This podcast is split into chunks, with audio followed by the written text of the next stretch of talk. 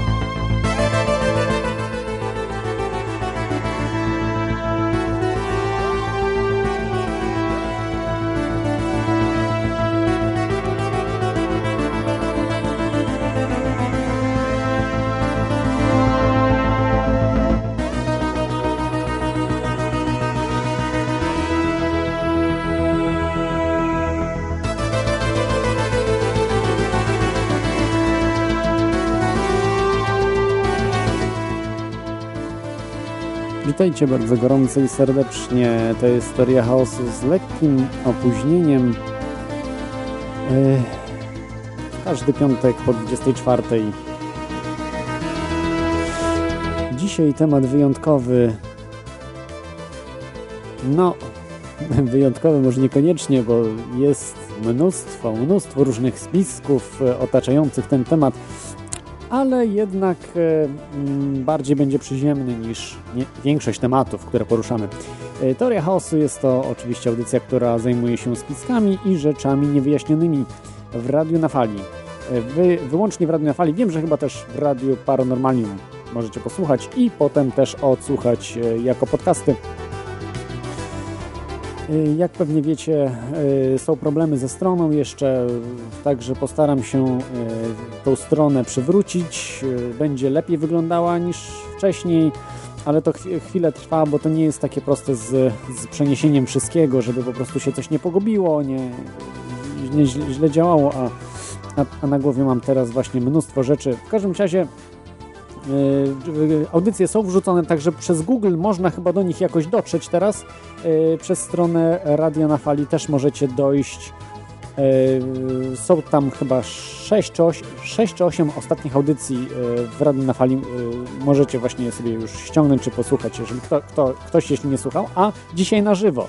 Co myślę, że na żywo jest chyba ba- rzeczą istotniejszą, bo tak naprawdę radio, no audycja na żywo, radio to jest chyba najbardziej ciepłe medium i najfajniejsze, bym powiedział. Może nie zawsze technicznie wszystko tutaj jest idealnie, ale, ale jednak, jednak to jest to. Można zadzwonić, można porozmawiać, można coś dodać, można potem skomentować i tak dalej, i tak.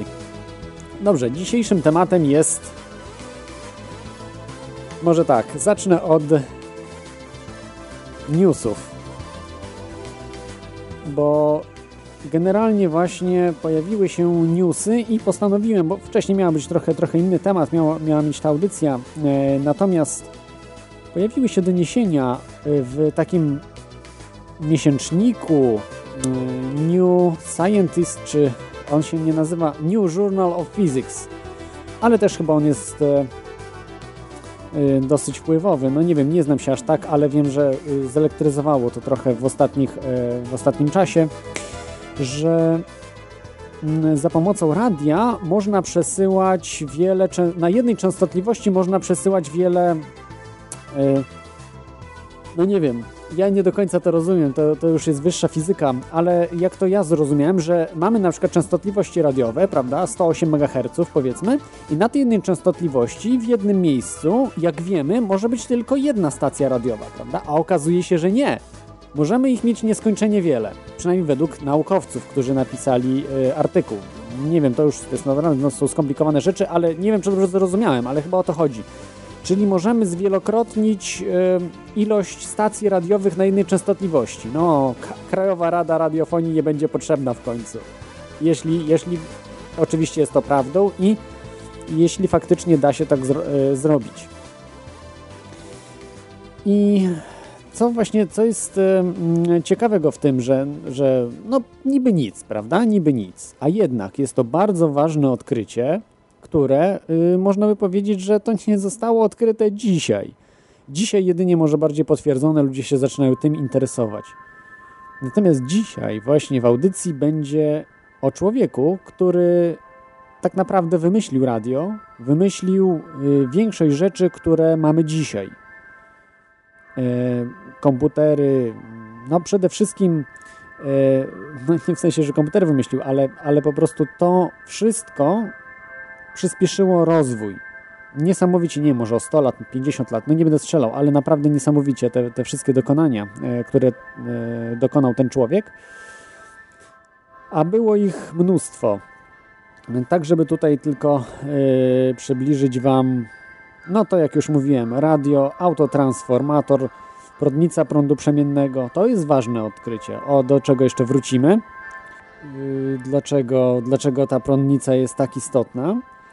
Y, silnik elektryczny, elektrownia wodna, bateria słoneczna, no nie wiem, trochę tutaj była też świetlówka, no nie do końca świetlówka, bo e, świetlówka jeśli chodzi o, o to, wiem, że chyba też Edison, no powiedzmy może tak równie, ale, ale nie, nie była ona w pełni użyteczna. To była taka świetlówka, że trzeba było chyba prąd przesyłać y, za pomocą no nie wiem, nie, nie chcę się wgłębiać, ale, ale yy, czy bezprzewodowo, czy, czy jakoś, no w jakiś, jakiś sposób yy, nie, nie, była, nie było tego startera chyba, jak jest w świetlówkach, no nie wiem. W każdym razie to wiem, że dopiero chyba 30 lat potem zaczęto y, Compton, niejaki naukowiec Compton chyba, który dla General Electric pracował w myśli świetlówkach. Mniejsza z tym. Dzisiaj, żeby już y, nie, y, więcej nie mówić, to zacytuję tego człowieka. Powiedział tak: Ujarzmiłem promienie kosmiczne i sprawiłem, by służyły jako napęd. Ciężko pracowałem nad tym przez ponad 25 lat, a dziś mogą stwierdzić, że się udało. Gazeta Brooklyn Eagle 10 y, lipca 1931 roku. Tym człowiekiem, który to powiedział, był Nikola Tesla, mistrz fali, inżynieryjny geniusz prądu. To oczywiście może tak brzmieć, że mistrz fali, geniusz prądu. No tak, no niestety taka jest e, smutna prawda, że geniuszy nie ma za wiele na świecie. Ludzie po prostu nie, nie chcą być geniuszami, nie chcą y, wychodzić ponad szereg, nie chcą myśleć 100 lat do przodu, tylko myślą zazwyczaj 1, 2, 5 lat do przodu.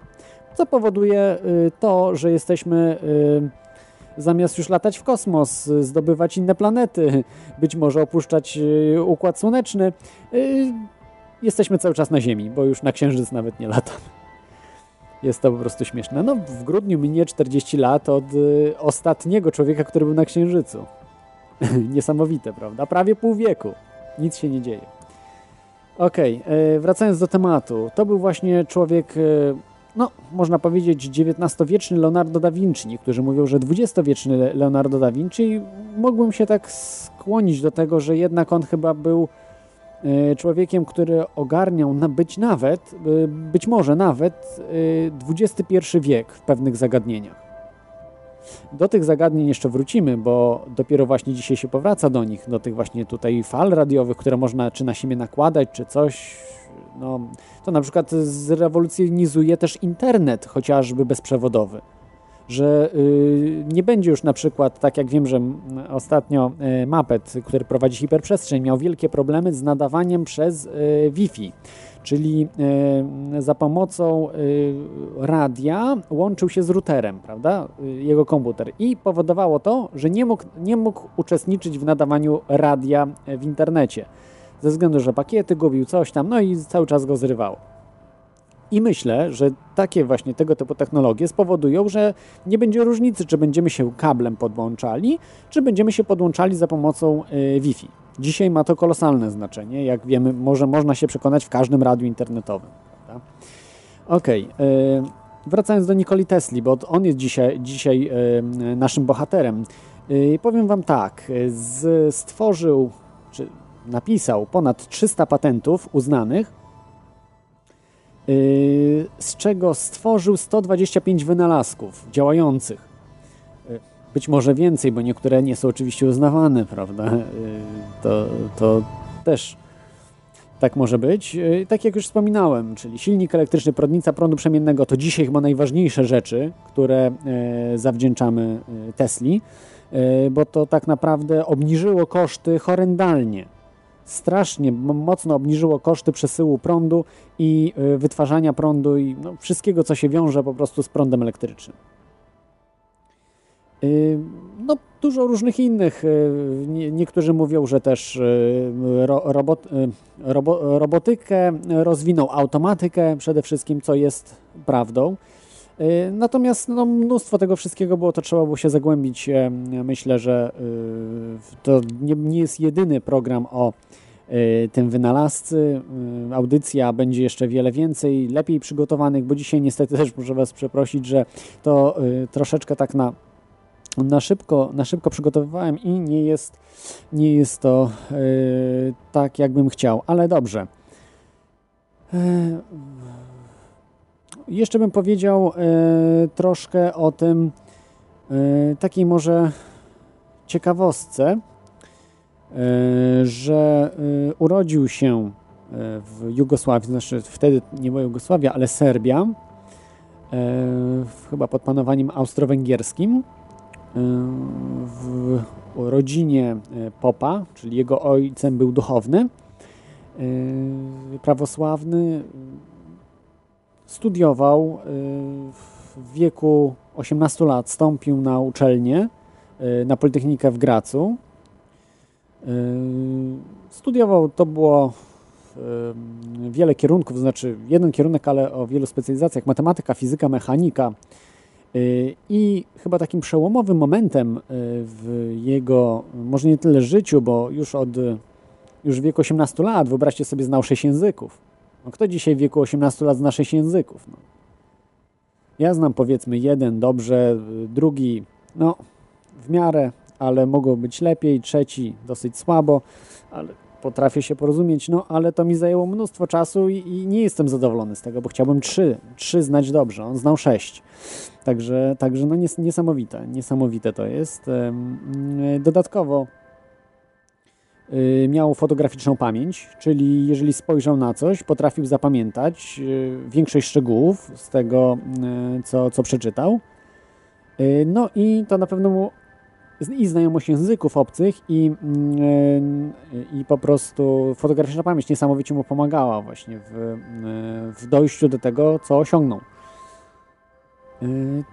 Tesla właśnie jako inżynier, on był przede wszystkim inżynierem, nie naukowcem, więc jak na tą Politechnikę profesor Poszl przyniósł, jego, jego y, nauczyciel, przyniósł maszynę Grama, czyli jeden chyba z pierwszych silników na prąd stały, a przynajmniej jeden z takich wtedy, w 75 roku, w 1875 roku, no musiał robić wrażenie. Dzisiaj nawet na większości ludzi silniki robią wrażenie, że to niesamowita maszyneria, fajnie to działa.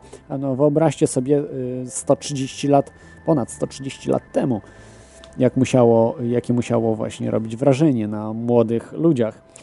Y, przywiózł właśnie y, taką maszynę na, na Politechnikę i Tesla, jak oczywiście jedyny, zauważył, że lepiej by było, y, żeby mm, ta maszyna y, no, działała na zasadzie prądu naprzemiennego, a nie, y, czy przemiennego, a nie prądu stałego. Oczywiście profesor, jak to profesor, e, nauka się za bardzo nie zmieniła, jest tak samo konserwatywna dzisiaj, powiedział coś takiego do pana Tesli. Pan Tesla dokona być może rzeczy wielkich, ale tego nie da się zrobić. To tak, jakby zmusić stałą siłę przyciągania w rodzaju grawitacji do działania naprzemiennego. to by było perpetuum mobile, rzecz niemożliwa. A jak to była rzecz niemożliwa, że 9 lat później e, właśnie ten sam Nikola Tesla przyjeżdża do USA, do Nowego Jorku i ma jedną walizkę wypełnioną właśnie swoimi różnymi projektami, przyszłymi pa patentami, e, różnymi e, rysunkami, pomysłami i między innymi jest tam właśnie e, projekt e, maszyny, czy e, to chyba była wtedy właśnie, nie wiem, czy silnika, chyba nie, jeszcze nie silnika wtedy, tylko prądnicy, czyli urządzenia, które wytwarza prąd zmienny.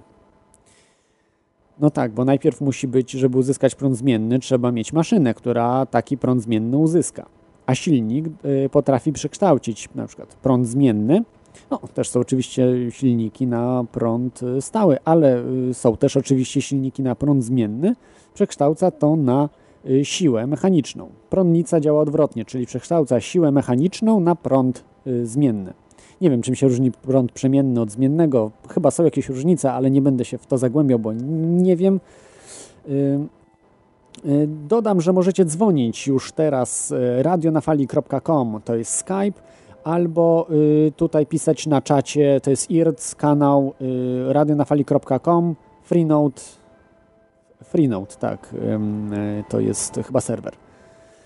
Y, także mm, y, ok, że troszkę, troszkę po prostu za głośno mikrofon. Ok, y, już staram się.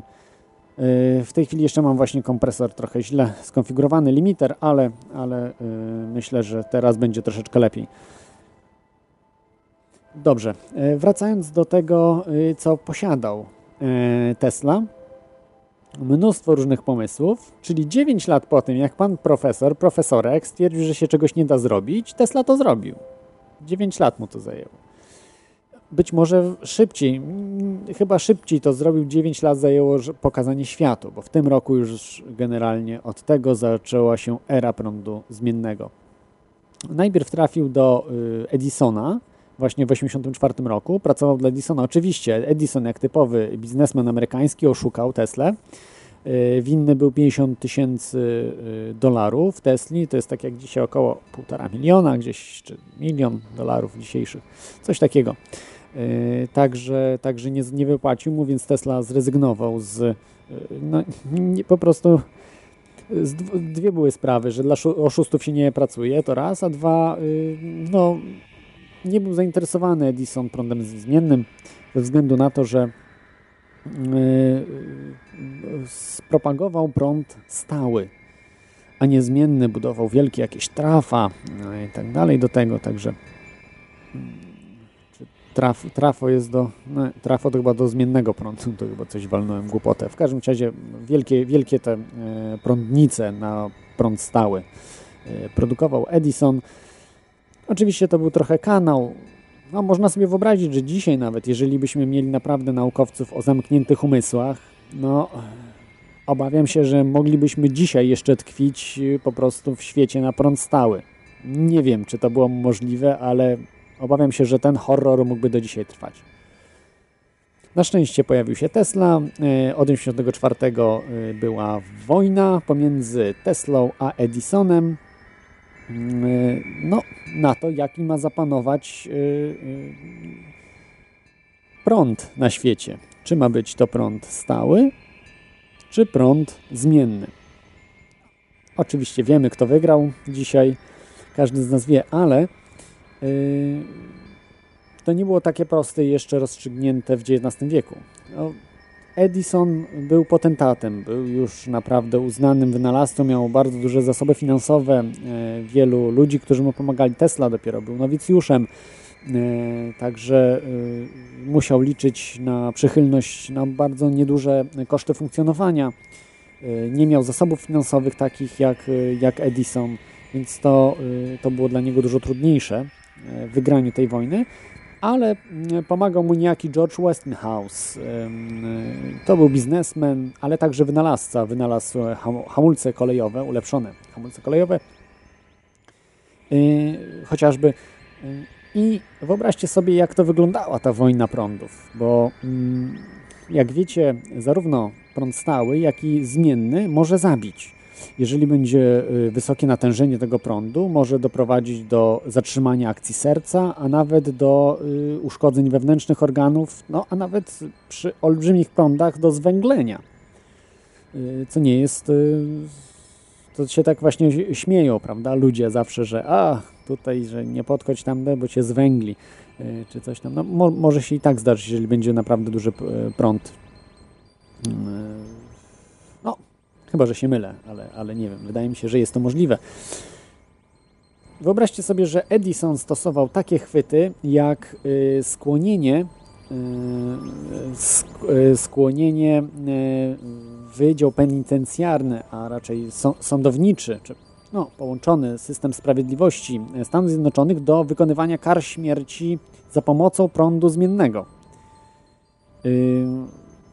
1980 roku właśnie pierwszy człowiek został y, zabity e, za pomocą prądu zmiennego. Y, zabijał także zwierzęta, pokazywał, że słonie po prostu można prądem zmiennym zabić. No, mm, psy, koty, no, coś, coś okropnego robił ten pan Edison.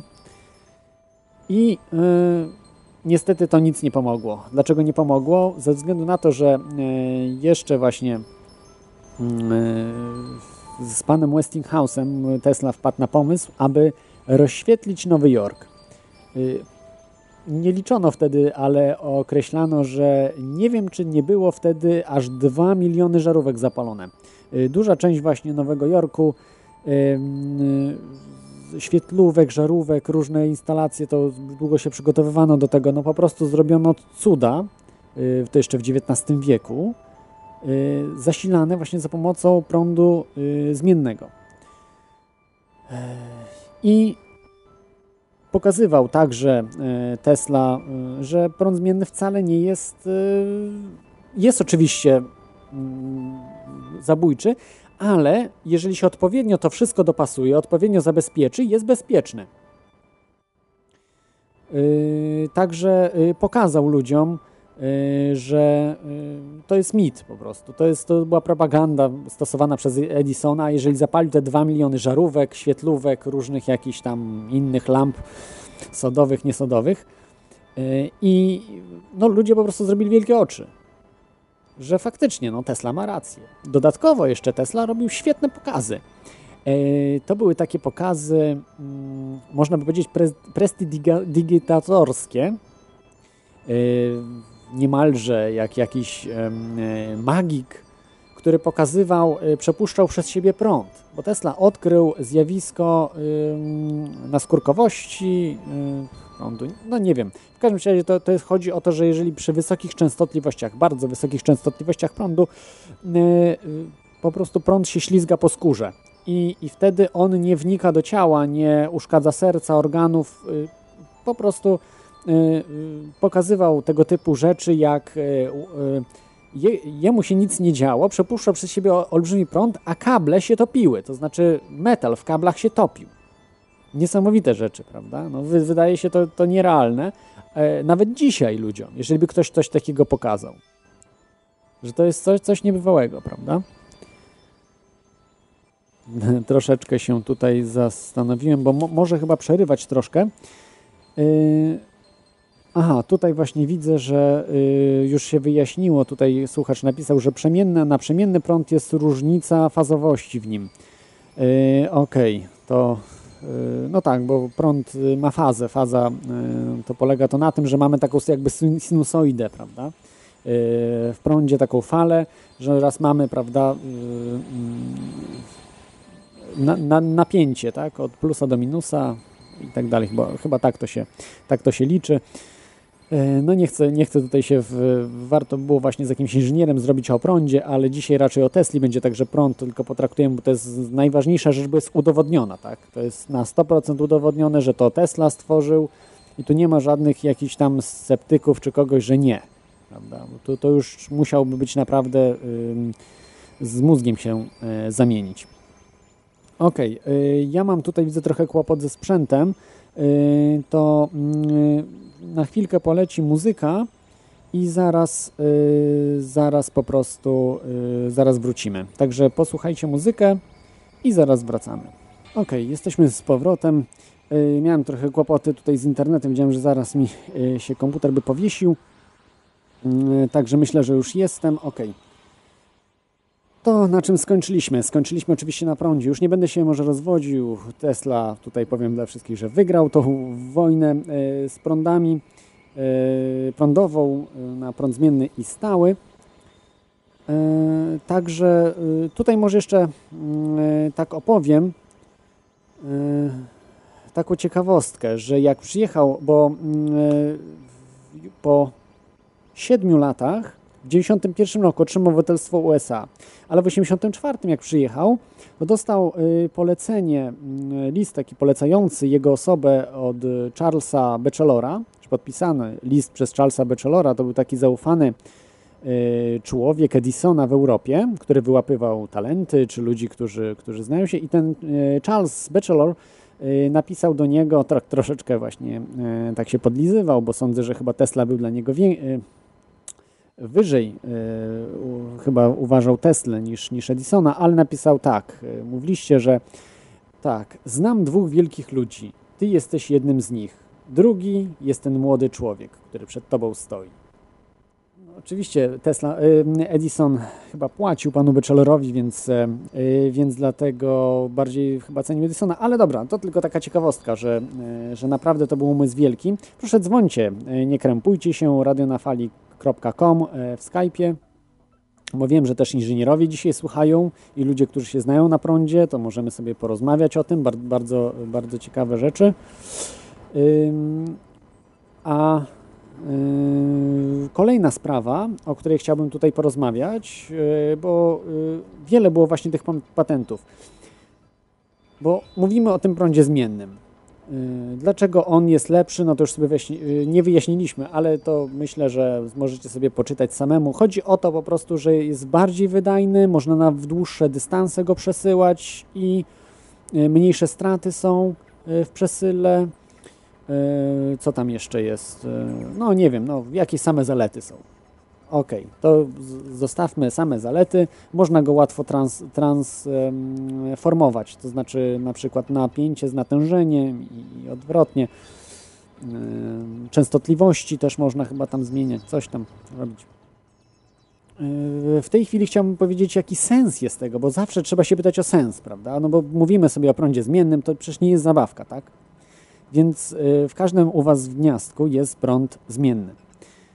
Y, I polega to na tym, y, że wszystkie, znaczy nie polega na tym, ale wszystkie elektrownie na świecie, oprócz słonecznych, czyli oprócz ogniw słonecznych, czy jakiś tam na, ale, ale wszystkie inne bazują na patentach Tesli. Przynajmniej, nie wiem, nie słyszałem o innych, może są, ale nawet elektrownie atomowe, prawda? Wszystkie te elektrownie bazują na patentach Tesli, żeby wytworzyć prąd przemienny. Jest to dosyć dziwne, prawda? Bo przecież minęło ponad 100 lat i dalej te same wszystkie technologie się stosuje. Yy, być może tam trochę ulepszone, wiadomo, prawda? Zabezpieczenia lepsze i tak dalej, ale cały sens tego wszystkiego jest ten sam. Nikt nie wpadł na coś lepszego. No, za wyjątkiem, mówię, tych y, baterii ogniw słonecznych. Teraz chyba są jeszcze inne jakieś metody, ale już mało znane. No, wszystkie tam geotermalne, te e, inne, żeby przekształcić właśnie prąd zrobić, zawsze chyba jest ten, musi być po prostu prąd, prądnica e, z tego, co po prostu stworzył Tesla. O, tu ktoś bardzo nieładnie napisał, nie będę tego czytał, ale napisał, że Edison to chuj i to jeszcze z błędem. Okej, okay. no może, nie wiem, nie znam pana Edisona, to ja nie gwarantuję tego, co tutaj mówię, że to jest 100% prawdy. Zawsze się można gdzieś pomylić, zawsze może być przekłamanie. To, to, myślicie, że w Wikipedii nie ma przekłamań? Oczywiście, że jest przekłamanie na przekłamaniu. Mało tego, cenzuruje się dzisiaj już Wikipedię, nie można prawdy pisać. Y, sam parę razy już tam nie edytuję, ale kiedyś jak edytowałem, to nieraz mnie zbanowali za, za to, że dodałem pewne fakty. No, jeszcze napisali, że, że zły człowiek jestem. No, okej. Okay. Dlatego, dlatego przestałem już pomagać w tej Wikipedii. Jeszcze tak chyba niewielki mój wkład był. Wracając do Tesli. Yy, więc yy, po prostu to jest olbrzymi wynalazek. Jeżeli dzisiaj wszystkie elektrownie, bo tak naprawdę jesteśmy oparci o to, bez prądu nie ma internetu, bez prądu nie ma niczego. jak mówi znany polityk białostocki. Więc e, to, co Tesla zrobił, było największe w XIX wieku, no i bardzo wielkie w XX wieku. Bo to naprawdę, naprawdę y, został zapomniany. Na wiele lat został. Nie, tutaj właśnie ktoś też pisze. Y, Waloms, przepraszam, nie mogę przeczytać Waloms, że żarówkę wymyślił Tesla. No nie, nie, nie, nie. Y, to nie wymyślił Tesla. Nie pamiętam teraz kto też. Oczywiście nie Edison. Ukradł patent, ale nie Tesli. Innemu y, wynalazcy. No już y, nie róbmy z Tesli wszechwiedzącego człowieka, czy wszechzdolnego człowieka. Nie, nie, nie, nie. Tutaj akurat, akurat żarówki Tesla nie wymyślił.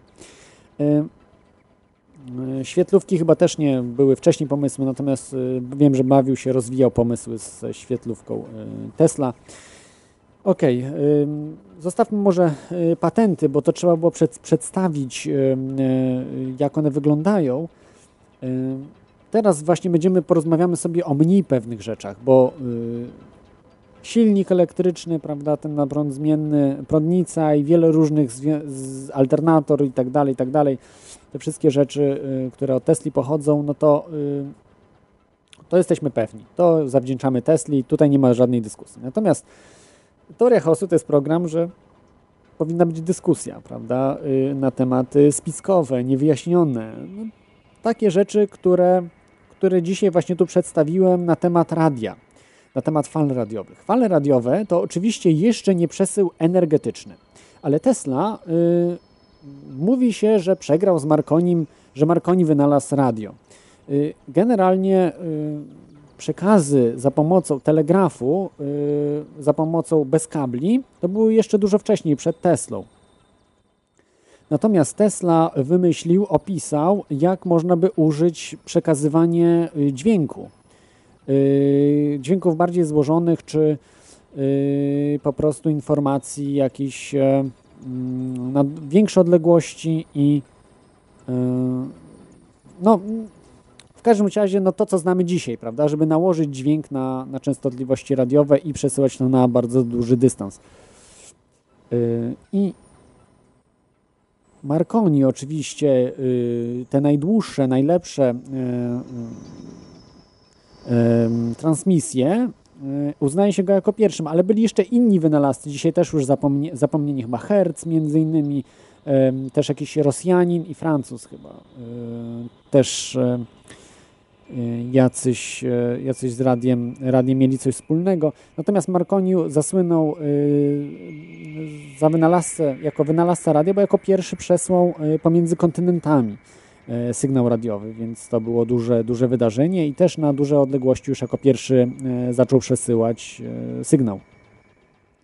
Więc, więc tutaj przyznano palmę pierwszeństwa Marconiemu, a to jest nieprawda ze względu na to, że sam Marconi przyznał się, że używał, korzystał z y, rozwiązań Tesli, y, że zainspirowało go to i, i no, tak naprawdę dzięki, dzięki Tesli doszedł do tego, jak wszystko co y, popodłączać. Oczywiście to nie umniejsza wkładu Marconiego, to też nie było takie proste, bo jeszcze w XIX wieku, prawda, żeby tego typu rzeczami się zajmować. Nie było elektroniki, tak jak dzisiaj idziemy sobie do sklepu, kupujemy tranzystory, kupujemy tutaj jakąś lampę, tutaj coś, montujemy, no i działa i proszę, pach i mamy transmisję. Wszystko trzeba było samemu zrobić.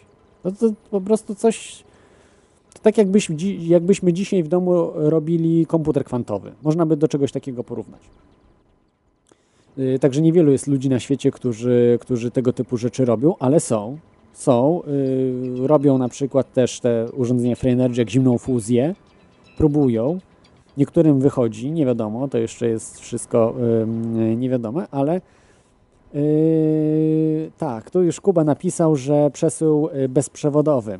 Zaraz właśnie do tego dojdę, bo żeby przesył bezprzewodowy, no to mamy radio. To wszyscy wiemy, Oczywiście możemy się kłócić, czy Marconi, czy Tesla.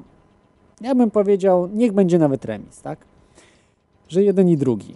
Oczywiście tylko Marconi dostał Nagrodę Nobla, no ale czy, czy najważniejsze są nagrody? Nie, najważniejszy jest po prostu wkład, y, to co ludzie mają. Zwykły taki Kowalski otrzyma z tego, prawda? To jest najważniejszą nagrodą dla, y, dla wynalazcy.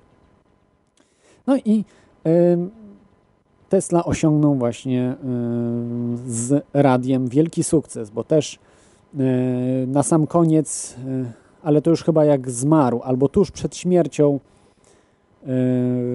ale chyba po tym jak zmarł, przyznano patent po prostu Tesli na radio. 40 chyba lat później. No to taka farsa troszkę, chichot historii, że jednak, jednak Tesla powinien dostać jako patent pierwszy, a nie Marconi. Ale to, to już to zostawmy.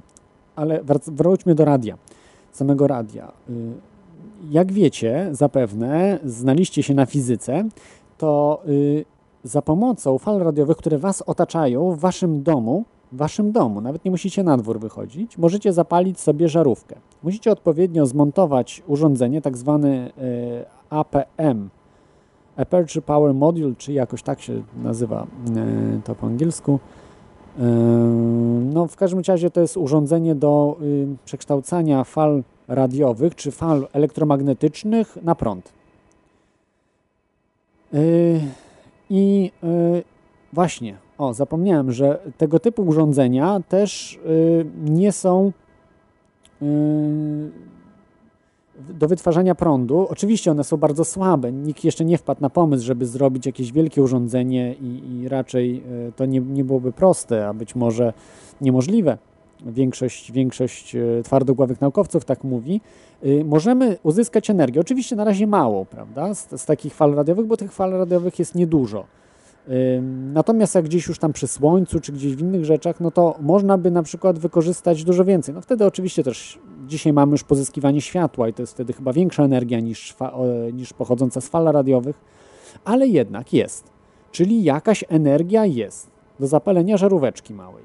Może diody, może coś, ale jest powiedzmy tam jakiś tam ułamek wata, jakiś tam mi, miliwaty jakieś. Czyli jest przesył energii też. Natomiast e, marzeniem Tesli, dlatego on budował te wszystkie różne rzeczy, e, było przesyłanie energii, a nie, e, a nie tylko i wyłącznie radia. No bo to radio było dużo prostsze. Mamy pierwszego słuchacza. Mm, halo? Jesteś na antenie? Witam. Mm, witam. Ja bym chciał się Szymon coś spytać. E, a propos mm, tych szeroko rozumianych i nagłaśnionych przez te wszystkie teorie spiskowe e, silnikach magnetycznych, nie wiem, czy pan o tym słyszał? Y, y, o silnikach y, magnetycznych? O silnikach... Kokaiminato, tak? Na przykład. E, tych wszystkich robionych przez, jak, jak ten pan się nazywał? No, no, tych silnikach, które teoretycznie mogą robić coś z niczego i tak zwane perpetuum mobile, że więcej się wkłada, a e, znaczy mniej się wkłada, więcej się wyjmuje, tak? Czyli urządzenia tego... free energy, prawda? Do, o, dokładnie, free energy. Free energy. E, takie urządzenia były często opisywane na różnych, e, różne patenty były, na YouTubie były filmiki, były różne, wszyscy tam się chwalili, że, że, że takie coś widzieli i tak dalej, ale na forum, e, kiedy ktoś się spytał, czy ktoś takie coś zrobił, nikt się nie przyznał. Ja nie wiem, czy to, czy to jest, czy to jest w ogóle prawda, czy to nie jedna wielka mistyfikacja, czy, czy pan Tesla rzeczywiście y mógł i ci wszyscy y mogli coś takiego odkryć. Y, to jest, to jest trudny temat. Rozmawiam z człowiekiem, który budował tego typu rzeczy w Polsce y, i mówił, że to trudno zbadać. On nie był pewny, czy to były właśnie free energy, czy nie, ale coś jest na rzeczy. Mówił, że na pewno to nie jest tak, jak mówi nauka. Że to wszystko jest bzdura. To nie jest tak.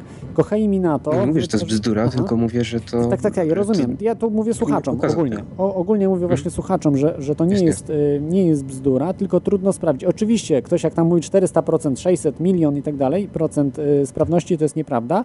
Natomiast jakaś nadsprawność może być.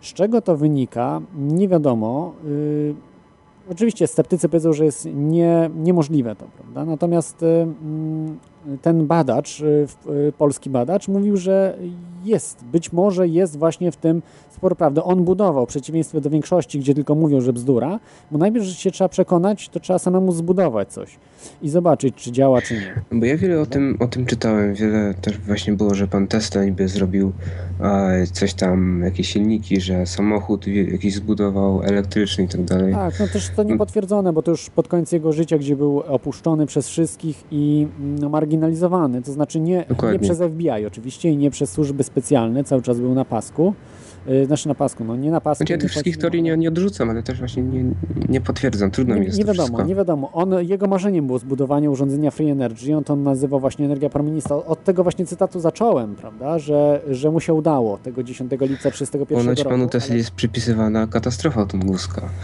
Tak, ale co jest Tesli nie przypisywane? To jest dokładnie.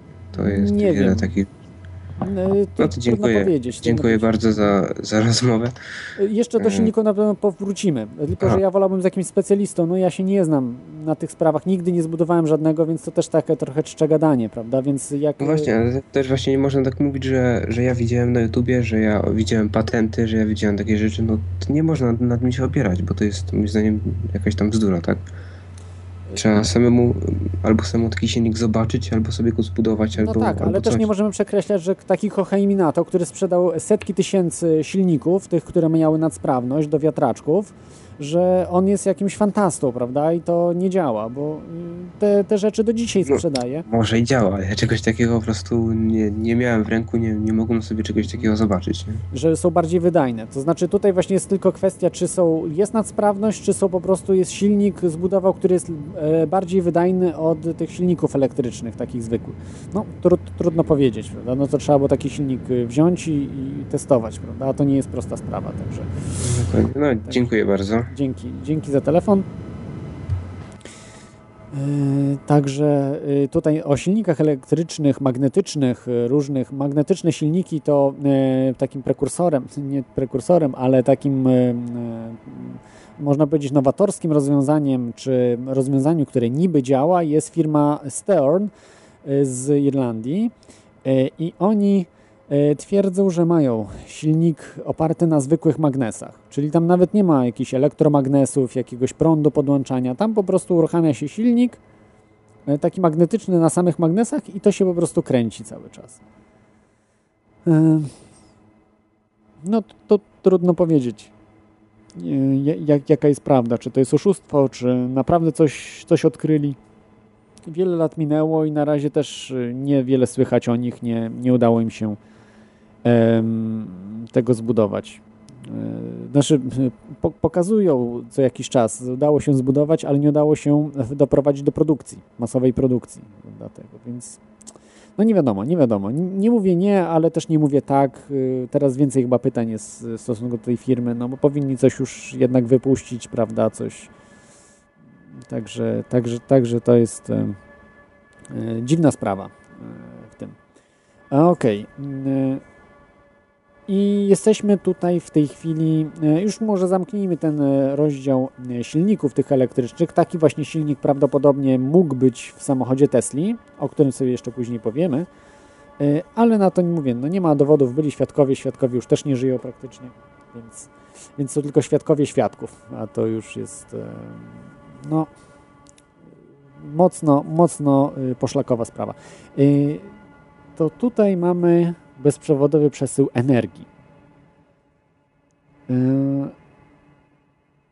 I Tesla oczywiście zawsze mówił o więcej Tesla mówił niż, yy, niż było de facto, ale,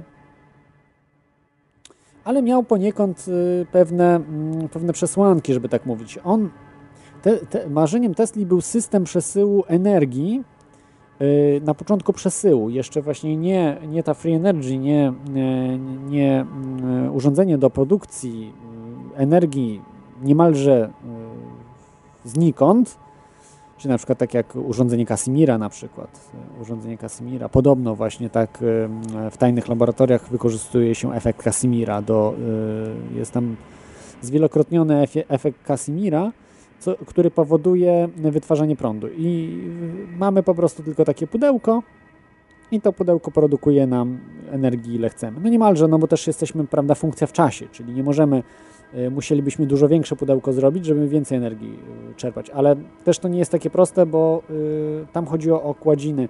Taka ciekawostka dla Was, tu jeszcze raz powiem, taka dygresja do, do Free Energy że muszą być bardzo cienkie e, okładziny. Trzeba zbudować bardzo mały e, kondensator z bardzo cienkimi okładzinami i e, dużymi okładkami, czyli na przykład bardzo cienkie, ale o dużej powierzchni.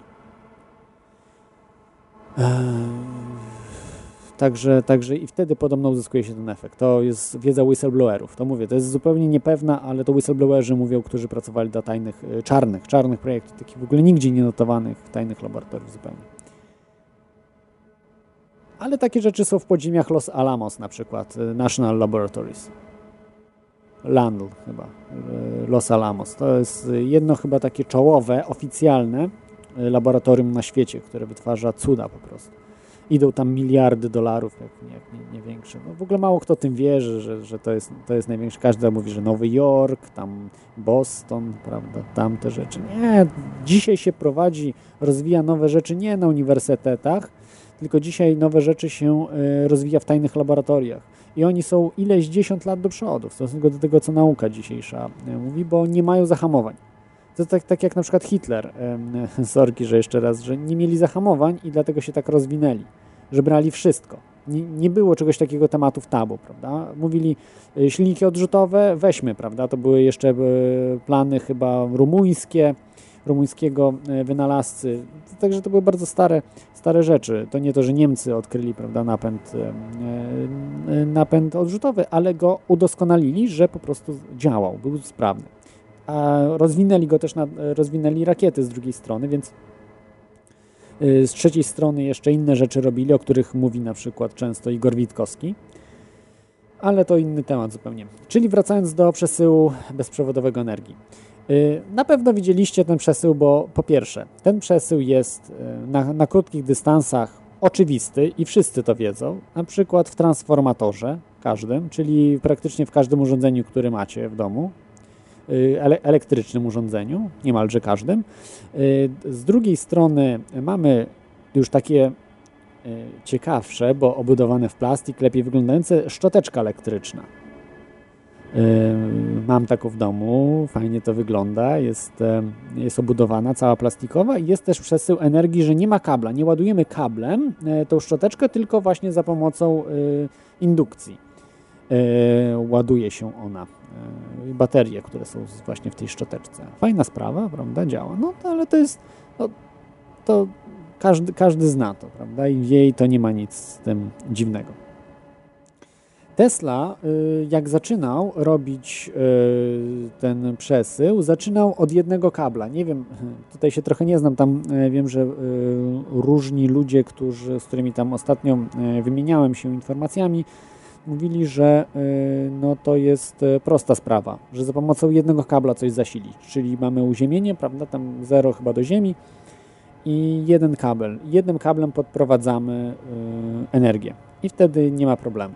Że to jeszcze dzisiaj znane jest i to ludzie robią masowo i no, ja mało gdzie to widziałem, bo to bo muszą być specjalne warunki, ale wiem, że Tesla od tego zaczynał, a później zaczął właśnie yy, tworzyć y, bez kabli już, bez żadnych kabli. Natomiast y, do tego potrzeba już niestety olbrzymich nakładów finansowych, bo to już nie wystarczy zrobić powiedzmy małą cewkę Tesli, tylko musi być taka cewka Tesli, jaka była zrobiona y, dla Tesli.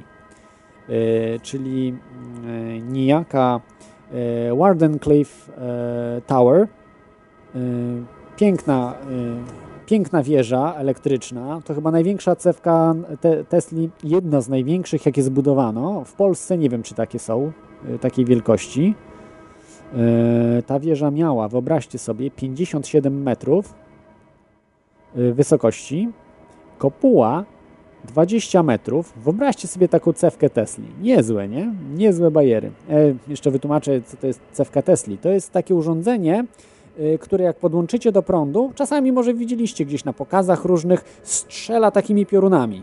Małymi takimi piorunkami strzela, no czasami to jest y, wielkości półmetrowe, takie metr, to już jest nawet całkiem duża metrowa taka cewka Tesla. Niektórzy robią powiedzmy pięciometrowe, to już są no, to nie wiem, czy w Polsce się to gdzieś na uczelniach tylko pięciometrowe robią. A Tesla miał, proszę, yy, już na początku XX wieku miał 57-metrową do zabawy. No, do zabawy i odkrywania różnych zjawisk. No mówię, niech ktoś mnie y, uświadomi y, na czacie, jeśli w Polsce coś takiego jest, albo ktoś takiego widział, chociażby 30-metrową cewkę Tesli. Y, to dajcie znać, z ciekawością się dowiem, czy w Polsce ktoś robi tego typu tego typu eksperymenty. Także przypomnę, że możecie dzwonić yy, radionafali.com, to jest Skype. Jedynie na razie jeszcze ze Skype'em jesteśmy, ale niedługo, niedługo będzie też telefon, także będzie yy, ok. Yy, dobrze, yy, tutaj nikt nie pisze, nikt nie wie właśnie co z tymi się cewkami dzieje, ile mają w Polsce największe cewki Tesli do tych eksperymentów. Ok. I do czego on jej używał? Właśnie do przesyłu oczywiście radia, można ją wykorzystać, można było, ale tak naprawdę Tesla troszeczkę oszukał swoich sponsorów, szczególnie y, takiego największego y, człowieka, który inwestował sponsorów. No, człowieka, który oczekiwał zysków, y, czyli inwestor bardziej niż sponsor, bo sponsor nie oczekuje zysków, a inwestor oczekuje. George, George Westinghouse był troszeczkę za, za małym inwestorem na tego typu już rzeczy i do tego projektu mu potrzebował nowych inwestorów. E, miał z takich dwóch największych, to mógłbym chyba wymienić, e, jeden nazywał się John Jacob Astor, to był e, chyba wojskowy, ale bardzo bogaty człowiek, sporo zainwestował w te e, instalacje Tesli.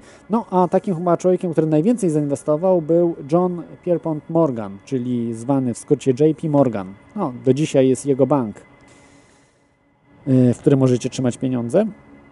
Mm, e, zainwestował w 1899 roku 150 tysięcy dolarów. No wydaje się to niedużo, ale to tak jak na dzisiejsze 3,5 miliona gdzieś tak dolarów, coś takiego. Także całkiem spora sumka, prawda? I zażądał oczywiście 51%, e, no 50% udziałów e, w takiej spółce, no co można zrozumieć, prawda, jako inwestor, że chce mieć decyzję, prawda, bo jak on wykłada pieniądze. I dzięki właśnie tym pieniądzom inwestorom zebranym zbudowano tą, tą wieżę. Wardenclyffe, Wardenclyffe Tower. Kosztowała ona 150 tysięcy dolarów no i oczywiście tam e, budy był budynek też, że można było e, różne testy robić, wykonywał. Było mnóstwo zdjęć e, tego. Większość materiałów, jak wiecie, zaginęła, ale sporo jest do dzisiaj. Sporo można oglądać w internecie, można też w albumach różnych, w książkach dotyczących Tesli. Jest tego trochę. Także, także można. Mm, tak, y, także można, trochę zobaczyć, jak to, jak przede wszystkim jak wyglądała ta wieża, jak y, no, też ze względów architektonicznych była ładna. Już nie, nie oceniając tylko to co, y, to, co po prostu można było tam wykonać. Wcześniej też, jeszcze przed to Wardenclyffe miał swoje różne laboratoria, które niestety jedno spłonęło, Prawdopodobnie według mnie, jakby prześledzić, to by się okazało, że ktoś po prostu podpalił to. Ale mm, Tesla jako mało, mało zapobiegliwy człowiek niestety większość rzeczy tam trzymał i większość jego prac została, spłonęła. Jeszcze chyba, chyba pod koniec właśnie XIX wieku. Y, albo 1900 rok, albo 1899. W każdym razie jakoś, jakoś tak, na, na, na przełomie. Bardzo załamał się tym. No i odżył właśnie dzięki tej wieży y, nowej, tej, y, która była dużo wspanialsza niż wcześniejsze, y, te laboratoria do eksperymentów, no właśnie Wardenclyffe Tower, czyli wieża Wardenclyffe. W tej chwili nie mam niestety pod ręką linku, ale jak sobie wpiszecie Tesla, to na pewno Tesla i wieża, to, to na pewno zobaczycie w, na E, na, e, w, w Google'ach. Ok, i Tesla twierdził, że wystarczy dokonać trzy rzeczy trzeba zbudować, żeby uzyskać bezprzewodową transmisję. Już nawet bez tego jednego kabla. Bo oczywiście ten jeden kabel to nawet robił te instalacje jeszcze we wcześniejszych, jeszcze w XIX wieku. Yy, jeszcze w XIX wieku yy, robił tego typu rzeczy yy, z, z jednym kablem. No ale to dzisiaj też ludzie potrafią to. No, ja nie potrafię, ale wielu naukowców potrafi, także to nie, nie robi wrażenia. Potrzeba tak, właśnie Tesla Coil, czyli to jest transformator Tesli, czyli cewka Tesli, czyli ten właśnie to, ta wieża, którą miał, Oczywiście można mniejszą, tylko że wtedy jest mniejsza skuteczność. Wtedy tych efektów się nie, nie dostrzeże. Tutaj niestety mam po angielsku, to jest Magnifying trans, Transmitter. To jest jakiś e, zbierający yy, przekaźnik. Hmm. Yy, to jakieś pewnie ma to no po polsku y, określenie. Y, niestety nie przetłumaczyłem tego, nie wiem, nie wiem, może ktoś wie, co to jest The Magnifying Transmitter. Y, to jest taki transformator uziemiający, czy coś, nie wiem, nie wiem naprawdę, coś, coś takiego to jest. Nie wiem, nie wiem tutaj o co chodzi, ale, ale coś takiego, czyli taki e, odbiornik jakby, czy, czy, który też oczywiście nie może być tylko powiedzmy żarówką, że to nie jest żarówka, tylko musi być jeszcze odbiornik do tego. E, i dopiero potem żarówkę podłączyć i wtedy można żarówkę jednym kablem powiedzmy, prawda, od tego odbiornika. E, i właśnie ten bezprzewodowy system, wireless system, i dzięki temu y, ten system za pomocą to jest, że po prostu trzeba odpowiednią falę emitować. Y, Tesla stwierdził, że musi być to y, najlepiej wychodzi na rezonansie Schumana częstotliwościach, czyli na częstotliwościach, na których mózg pracuje. Znaczy mózg prawdopodobnie się dostosował do rezonansu Schumana, bo to jest rezonans Ziemi. To jest rezonans, który jest na Ziemi i on jest wszędzie. To jest jakieś 8 Hz. 8 Hz. Prąd 8-hercowy i właśnie na tych, i żeby wytwarzać takie prądy, to chyba y, fale o takich, to trzeba mieć naprawdę potężne y, nadajniki, y, żeby nałożyć 8-hercową falę, prawda, na, mm, jest bardzo długa, to jest taka bardzo długa fala. Chociażby fale długie, mówi się, prawda, fale długie radiowe, to są kiloherce, to jest 100 kiloherców, to jest, nie wiem, czy dobrze mówię, czy 100, nie, chyba źle mówię. Yy, 300 kHz. No nie wiem, no długie. Kurczę, no już wypadło mi, jak, jak właśnie jakie długie były. No mniejsza z tym. W każdym razie to są, to są liczone e, w kilohercach. 30 kHz długie. To są No mniejsza z tym. To są, to są, i mówi się o długich falach, a to są dużo dłuższe. To są tak zwane ELF, Extremely Low Frequency Y, bardzo niskiej częstotliwości y, fale radiowe. Czy tutaj właśnie, nie wiem czy tu chodzi o fale radiowe, ale o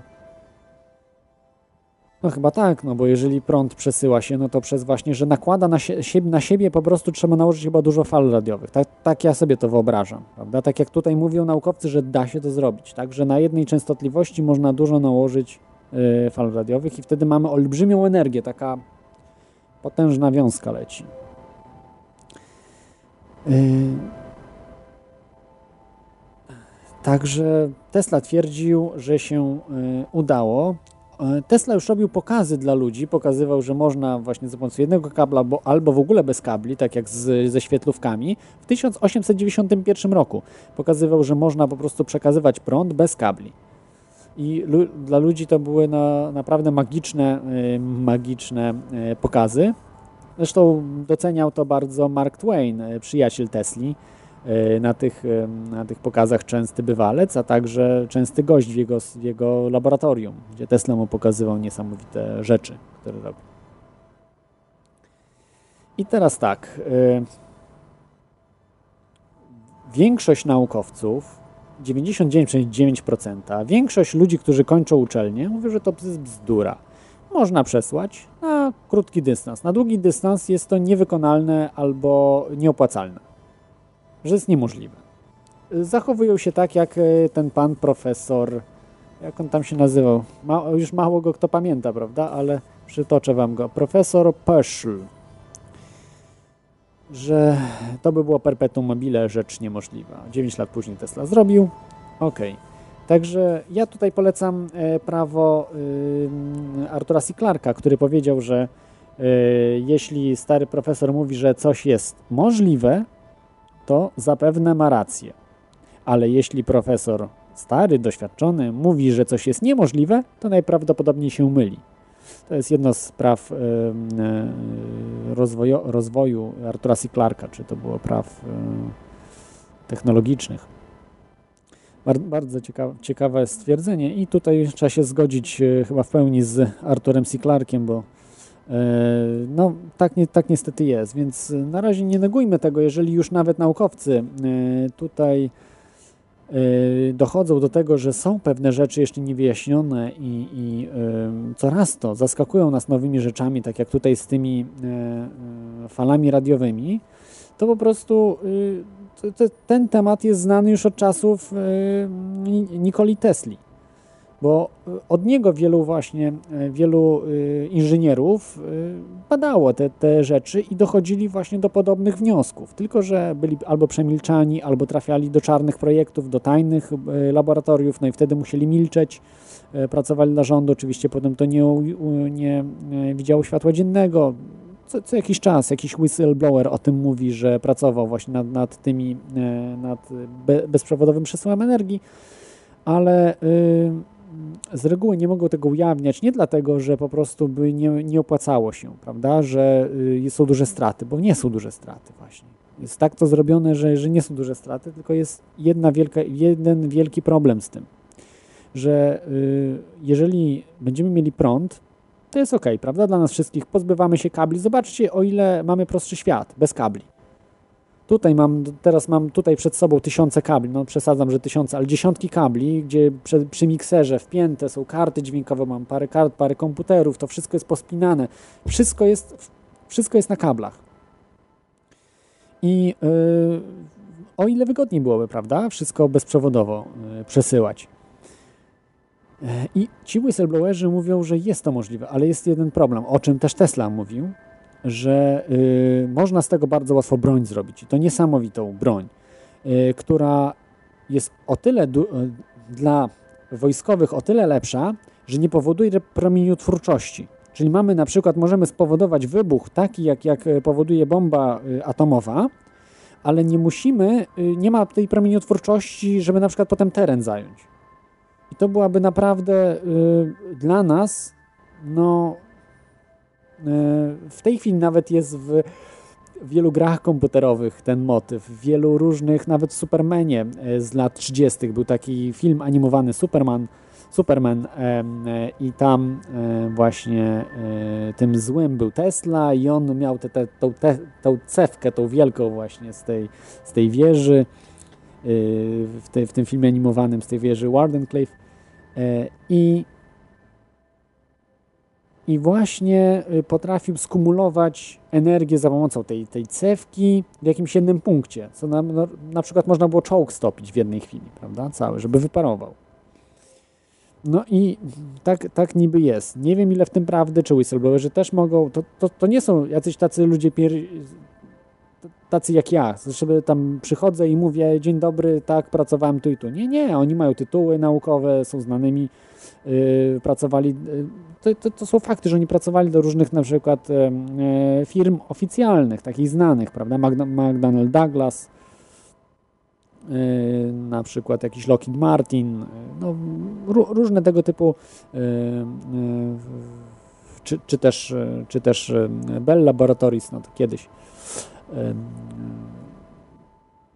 no, pomieszało mi się. W każdym razie Los, Los, Los Alamos, prawda? National Labs, tam też pracowali.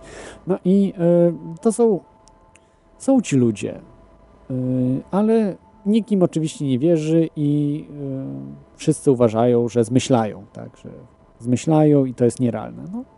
No, dlaczego mamy uważać cały czas, że jest nierealne? Prawda? Jest realne, tylko ludzie się tym nie zajmują. Ile w Polsce, ile w Polsce, podnieście do góry ręce, ile w Polsce ludzi się zajmuje bezprzewodowym przesyłaniem prądu? Ale tak szczerze. Podejrzewam, że może kilka osób by się znalazło. Kilka osób na 40 milionów ludzi. Reszta to y, ludzie, którzy y, zajmują się oczywiście przesyłaniem, ale za pomocą transformatora. Tak? Albo zbudują sobie cewkę Tesli wielkości tam pół metra, prawda?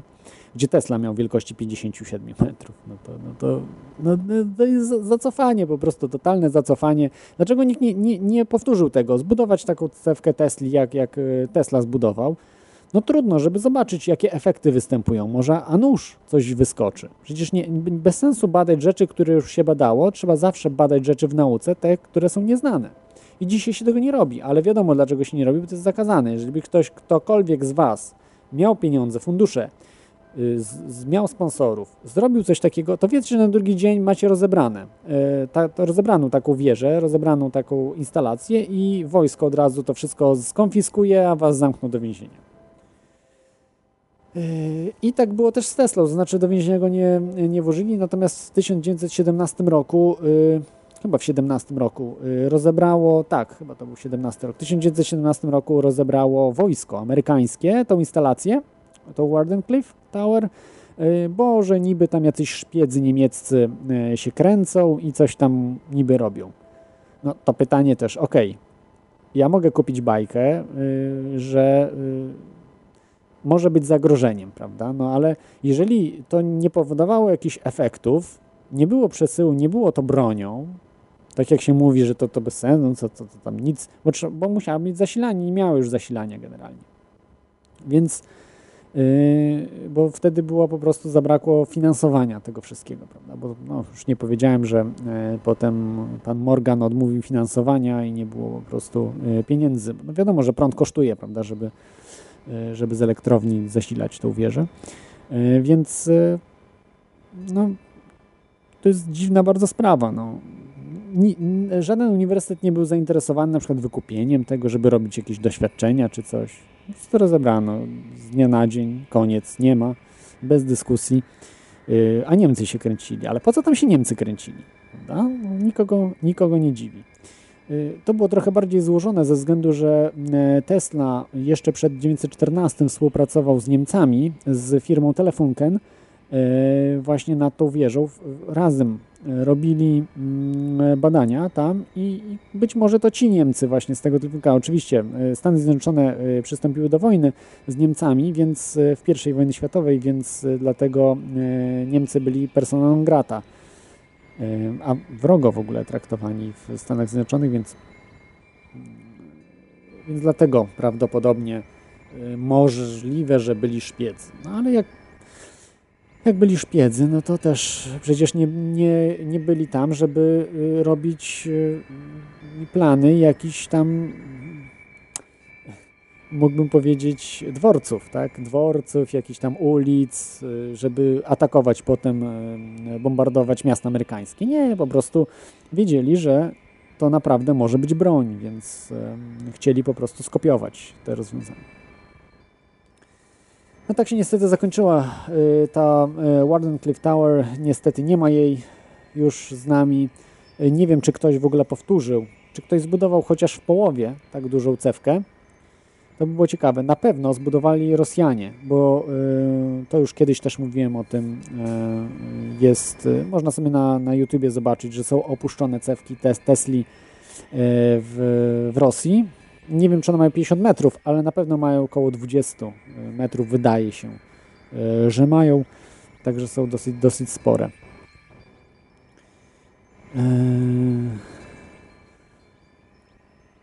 Także na pewno gdzieś tam, gdzieś te cewki Tesli się robi. Ok, ja tu trochę, za chwilkę przejdziemy do Free Energy. Strasznie mało dzwonicie. Widzę, że temat mało interesujący. Ja trochę też dzisiaj, przepraszam Was, troszeczkę zmęczony jestem. Mało spałem jak zwykle. Krótko spałem i za chwilkę może do Free Energy, ale jeszcze przed tym Free Energy, co jest najważniejszą tak naprawdę sprawą, to są dwa rodzaje przesyłania właśnie tej energii bezprzewodowo elektrycznej. Jedna to jest standardowa, którą wszyscy o wszyscy się uczą i wiedzą, że można przez powietrze, tak jak na przykład piorun idzie. I tutaj faktycznie są wielkie straty, y, nie ma po prostu, nie ma nic, nie ma niczego. No bo przesyłanie taki poza tym jest bardzo niebezpieczne też, żeby przesłać energię, y, kierunkować bardzo trudno i tu, tu nie, nie, ma, y, nie ma dużego to sensu wtedy. Natomiast jest inna inny sposób, wykorzystując rezonans Schumana. Jest jakiś niejaki doktor Tom Vallon, który się zajmuje free energy właśnie bezprzewodowym przesłaniem energii, jest inżynierem, e, ma też tytu, tytuły naukowe w Stanach Zjednoczonych e, i, i na, ten, na, w tych tematach się zna i robi też niesamowite doświadczenia. Oczywiście nie aż takie, bo nie ma aż takiego zaplecza finansowego, żeby stworzyć to, co robił Tesla. Natomiast Y, też zna wielu whistleblowerów. On nigdy nie pracował dla tajnych y, laboratoriów, natomiast robił y, bardzo ciekawe doświadczenia i mógłby o tym bardzo dużo opowiedzieć i opublikował sporo artykułów na ten temat, na temat właśnie prac Tesli i też przesyłania bezprzewodowego prądu i tam opisuje, jak to można zrobić, na czym to wszystko polega.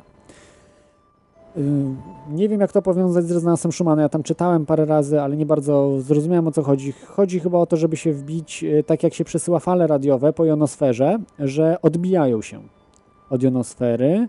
E, czyli na przykład, że my możemy bardzo niedużymi energiami przesłać informacje na falach radiowych, na przykład z Polski do Australii. Prawda? Nie wykorzystując pośredniczących jakichś wież co wydaje się no, niemożliwe, a jednak możliwe, tylko trzeba to odpowiednio zrobić, trzeba odbić po prostu, yy, wbić się właśnie na yy, sygnał radiowy musi się odbijać. Yy, musi się no, od, od jonosfery. Y, to zresztą radioamatorzy na całym świecie wykorzystują, także to nie jest jakaś tam nowość. Sam słyszałem y, różne transmisje y, w Polsce z zagranicy akurat y, może nie z Australii, ale, ale no, z Wielkiej Brytanii czy, czy z krajów tam, y, y, no z, jednak z europejskiego kontynentu, bo to trzeba mieć dużo lepszą, lepszy sprzęt, prawda, do, do tego, żeby cały świat objąć. Tutaj właśnie zarzuca Warlomsk, że mm, że fale elektromagnetyczne na, oparte o rezonans Schumana mogą być niebezpieczne dla mózgu. Y, no nie wiem, być może, być może tak, być może nie. Y, y, generalnie mózg pracuje też na tych częstotliwościach, ale także chyba sięga do 50 Hz. Mózg ma, ma różne częstotliwości ma 30 chyba też herców, różne, y, różne częstotliwości w różnych trybach mózg pracuje. Prawda? Też w śnie inaczej, y, w najawie inaczej, jak tam śnimy, czy tam y, na przykład bierzemy jakieś używki, prawda, to wtedy mózg inaczej pracuje, czy DMT, czy, czy jak normalnie funkcjonujemy inaczej, a jak też relaksujemy się też inaczej. Także zawsze są różne te częstotliwości mózgu, więc a 50 Hz przecież jest w każdym tutaj prąd, w każdym gniazdku w domu chyba 50, 50 Hz wszędzie jest. I te kable, które gdzieś idą, prawda, czy pod ziemią, czy nad ziemią też mają 50 Hz. No, no i to już nie przeszkadza, prawda, nam to wszystko. A też oddziałują na ludzi, na pewno, no jeżeli, więc y, no nie wiem, nie wiem. Y, możliwe, nie mówię, że nie, ale, ale ja nie mówię, żeby to zastosować od razu, ten bez, te, jeżeli by to działało, ale trzeba, niech do cholery ci naukowcy kasę biorą na uczelniach, coś robią, niech spróbują, niech się zaczną bawić, niech, niech zrobią coś dla świata, no, a nie tylko biorą pieniądze. No. To, to, przecież to jest nawet z samej ciekawości, no, że jeżeli mam dostęp do takich sprzętów, mam do cewek y, Tesli, do y, pogłówkować trochę i zbudować przecież, no dzisiaj to już nie jest XIX wiek czy XX wiek, mamy XXI wiek, komputery, wszystko naprawdę badać można, można na wiele rzeczy, no i to dlaczego tego nikt się nie zajmuje, oprócz, oprócz tajnych laboratoriów, no. Praktycznie nikt. No, może się mylę. No, niech, niech, niech jakiś naukowiec, jak ktoś tego słucha z nauki polskiej, niech napisze. Kto się zajmuje bezprzewodowym przesyłem prądu i jakie efekty miał i jak to wszystko wygląda. Bardzo bym wdzięczny. To teraz jeszcze opowiem, bo to jest naprawdę jedna z ważniejszych rzeczy, które Tesla dokonał. To jest właśnie jedna z tych, to jest, yy, która jeszcze jest niewyjaśniona, bezprzewodowy przesył prądu. Yy, Kolejna taka niewyjaśniona, to tylko tak y, dopowiem, to jest promień śmierci. No i tutaj jest właśnie duże nieporozumienie. Duże nieporozumienie z, y, z tym, co Tesla myślał, y, bo ten promień śmierci to nie był właśnie ten, który był w ten Supermanie na przykład przedstawiany, czy w grach komputerowych, że mamy tą wielką cewkę Tesli i ona tam uderza takim piorunem wielkim, czy, czy taką kulą elektryczności. Takim piorunem kulistym uderza i czołg topi, statek topi, cały lotniskowiec topi i pół miasta też topi. Nie, nie, nie, nie. To ten death ray tak zwany, czyli promień śmierci, to był to była yy, yy, coil czy nie, jak to, jak to się nazywa? Yy, no nie wiem, jak po angielsku się nazywa, po polsku to też nie wiem. Oparty na cewce to jest Hmm, railgun chyba, czy magnetic railgun, jakoś tak. W każdym razie chodzi o to, że bierzemy małą cząstkę i rozpędzamy ją do bardzo wielkich prędkości za pomocą bardzo dużych prądów elektromagnetycznych. Y, cząstka, no nie mówię tam proton czy elektron, bo to w akceleratorach, nie, nie, nie, to przepraszam. Y, roz, rozpędza się jakąś cząstkę, na przykład małą kuleczkę metalową, prawda? Albo, no nie wiem, no coś, jakiś coś naprawdę małego. Jeżeli rozpędzimy do bardzo wielkich e, prędkości taką cząstkę, e, taką, taką no, powiedzmy, no, cząstkę w sensie małe, małą rzecz, taką małą rzecz rozpędzimy, wkładając to sporo energii, to wtedy ona może osiągać naprawdę niesamowite prędkości i energię i energię. Nadaje się po prostu olbrzymią energię takiej cząstce i ona może zniszczyć wszystko, czy statek, czy, yy, czy samolot, czy yy, czołg. Yy, I to na tym generalnie właśnie polegało, że wyrzucanie, y, podłączenie na przykład elektrowni 2 MW, y, czy nawet więcej megawatowej, takiego urządzenia i które po prostu wysyła bardzo y, szybkie te takie cząstki.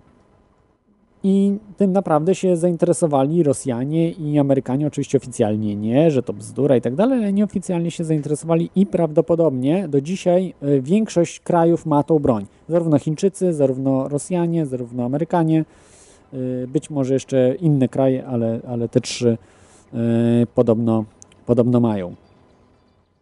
I to o to właśnie chodziło. O to chodziło z tym Defray. Także nie jest to takie głupie, jak się wydaje. to już nawet nie ze spiskowego, bo są tego typu ludzie próbują y, robić na małą skalę e, te urządzenia, czyli takie strzelby elektromagnetyczne. No śmiesznie to brzmi, ale może być naprawdę to zabójcze. To nie jest y, odpowiednio mocna bateria i, i odpowiednio zrobić po prostu tak, że może naprawdę pocisk wyrzucać z bardzo dużą energią że może zabić nawet. Także mm, no, to, to, to może nie być zabawka. Oczywiście mm, tego się nie stosuje, bo tańsza jest dużo broń, prawda, więc y, a to jest dużo bardziej złożone urządzenie, więc ono bardziej, bardziej ma sens, y, jeśli chodzi o e, duże energie. No, ten Defray oczywiście też jest e, podejrzewa się, że FBI ma plany tego Defraya, tego promienia, Defray, promienia śmierci tego że, że, że, ma plany, czy, mm, czy no CIA nie, ale że FBI gdzieś tam trzyma w swoich archiwach. No oczywiście oni mówią, że nie. Na pewno, na pewno mają. Nie wiem, czy to jest dalej w FBI, bo FBI oczyściło dokładnie pokój Tesli. Było to wielokrotnie udowodnione. E, a Tesla do końca życia on e, miał, czy choroby różne, natręt, on dużo pisał, bardzo dużo pisał, bardzo dużo robił rysunków, do końca życia non-stop coś po prostu projektował. On był samotny, samotnym człowiekiem, dokarmiał głębie, ale non-stop po prostu coś pisał, coś, coś robił do końca swojego życia. Więc te, te, miał cały pokój po prostu w różnych pomysłach i papierach. No gdzie to wszystko jest? No gdzie to wszystko jest? No po prostu w internecie nawet wszystkich patentów nie ma. Z, te, z tego co wiem, więc to jest to jest, e, to jest właśnie tak, że w internecie nie ma wszystkiego, a nawet w wszystkich jakichś muzeach, jak zbierzemy, nie ma wszystkiego. Są poukrywane po różnych y, tajnych bazach, prawda, FBI czy jakichś innych, nie może NSA przejęło to. No, choroba wie, kto teraz to ma. A może spalili. Też mogło tak być. Skopiowali, spalili. Ok, to posłuchajcie może utworu. Y, to tak dedykuję może tym wszystkim. Jazzowy utwór wszystkim takim ludziom, którzy, yy, którzy uważają, że już nic więcej się nie da wymyśleć, bezprzewodowe, yy, przesyłu prądu bez przewodów nie da się zrealizować w sensowny sposób, jest to niemożliwe, że to jest perpetuum mobile i no, Defray, no wszystko generalnie, co Tesla, co mamy dzisiaj, to jest prawda, a wszystko, czego nie mamy dzisiaj i co Tesla twierdził, i co mówił, że miał, jest nieprawdą. To e, dedykuję Wam ten utwór. E, utwór Foolish e, zespołu Giancarlo Greco. Posłuchajcie. I zaraz wracamy.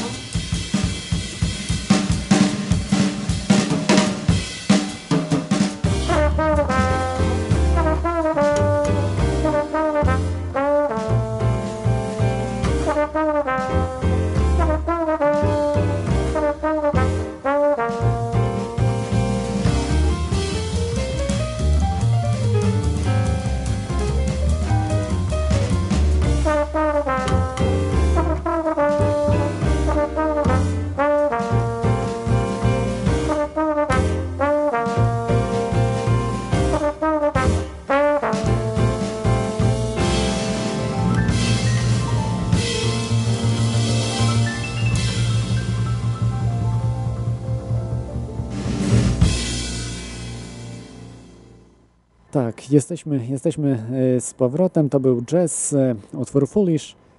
E, I w tym momencie chciałbym jeszcze tylko tak powiedzieć, że jak chcecie sponsorować tę audycję, żeby no, coraz lepiej to wszystko wychodziło, byli coraz lepsi goście, sprzęt i tak dalej, tak dalej, no już nie będę się powtarzał, serwery, prawda, Y, to możecie to zrobić przez Radio na Fali, y, radionafali.com, jest tam link sponsoruj, no i tam jest instrukcja, jak właśnie sponsorować tę audycję. Możecie oczywiście jakąś inną z tego radia wybrać audycję, ale oczywiście ja się nie obrażę, jak wybierzecie teorię chaosu.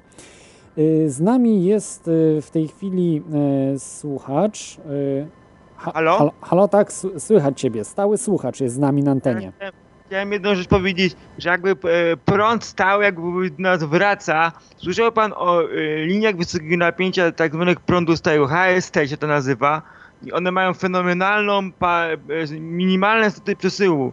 Przesyłać prąd można na, na długość na 2000 km i, na, i, i tylko tracimy 10% energii na linii przesyłowej, a przy standardowej linii prądu zmiennego tracimy nawet 30% na tak gigantycznych odległościach przesyłu prądu.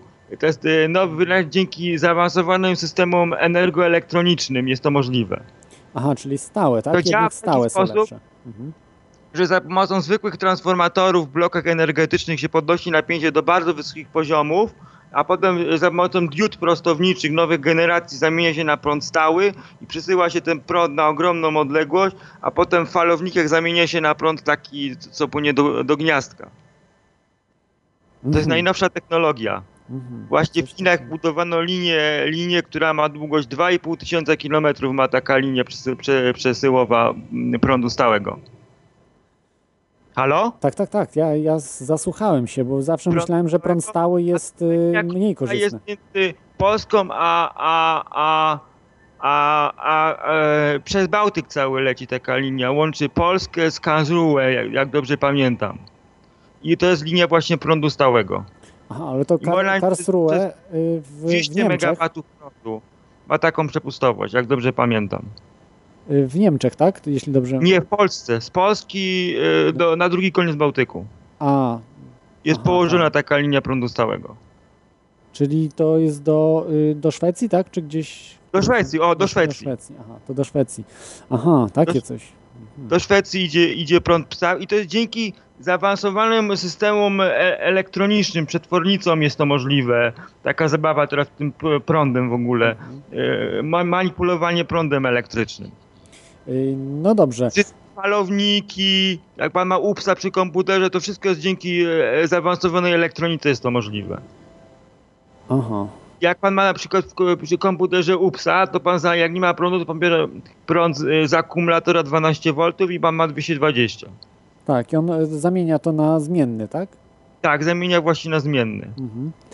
Yy... Zasilacz przy laptopie to działa odwrotnie. Zamienia prąd. Zmienny na stały.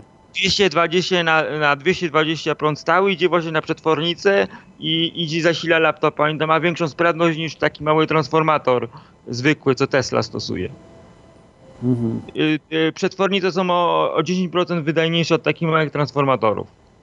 Aha. I są bardzo lekkie. No dobrze. A, a ja się tak zapytam, y, co, co pan sądzi o tych rozwiązaniach Tesli bezprzewodowego przesyłu prądu. Czy mógł y- Tesla coś takiego zrobić? Y, nie, to był. Y, oglądałem program z 2005 roku i w Stanach wybudował uniwersytet taką gigantyczną cewkę Tesli.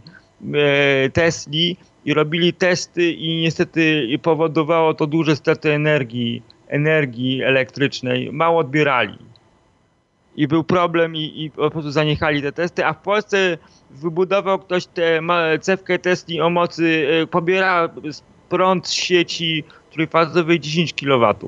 Wydał na to bodajże e, 2000 zł. Bardzo ładne pioruny, dość duża te, no cewka. Tak, 10 kW to sporo, 10 sporo moc. brała z sieci trójfazowej. Mhm. Takie gniazdko trójfazowe, tak, co pan tak, ma w tak, domu. Tak. No, no nie, chyba nie w każdym domu.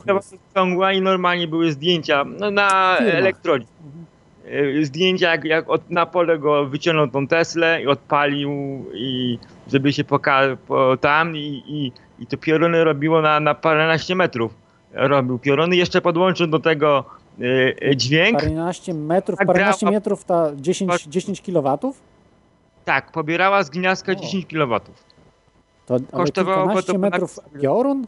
To przecież olbrzymia tak, energia. Nie kilkumetrowe pioruny. E, były zdjęcia, e, na YouTube były zdjęcia tego, tej polskiej Tesli. Wydał na nią 2000 zł. No, to niedużo, niedużo. Wszystko, bo są dwa rodzaje tych teraz e, cewek Tesli. Tradycyjna i na, właśnie na przetwornicach, na układach elektronicznych. One są mocniejsze te na układach elektronicznych. Na elektrodzie niech pan zapisze cewka Tesli, tam są nawet takie malutkie, co ludzie robią, że stoi na biurku, takie małe do takich dużych. A też widziałem w Stanach ktoś wybudował cewkę Tesli w wysokości 20 metrów. Hangar ma jak lotniczy, wyjeżdża taka cewka. Tak, to chyba też widziałem, widziałem tego człowieka, ale właśnie interesuje mnie, czy ktoś zrobił y, tak dużą jak Tesla miał, czyli 50-parometrową.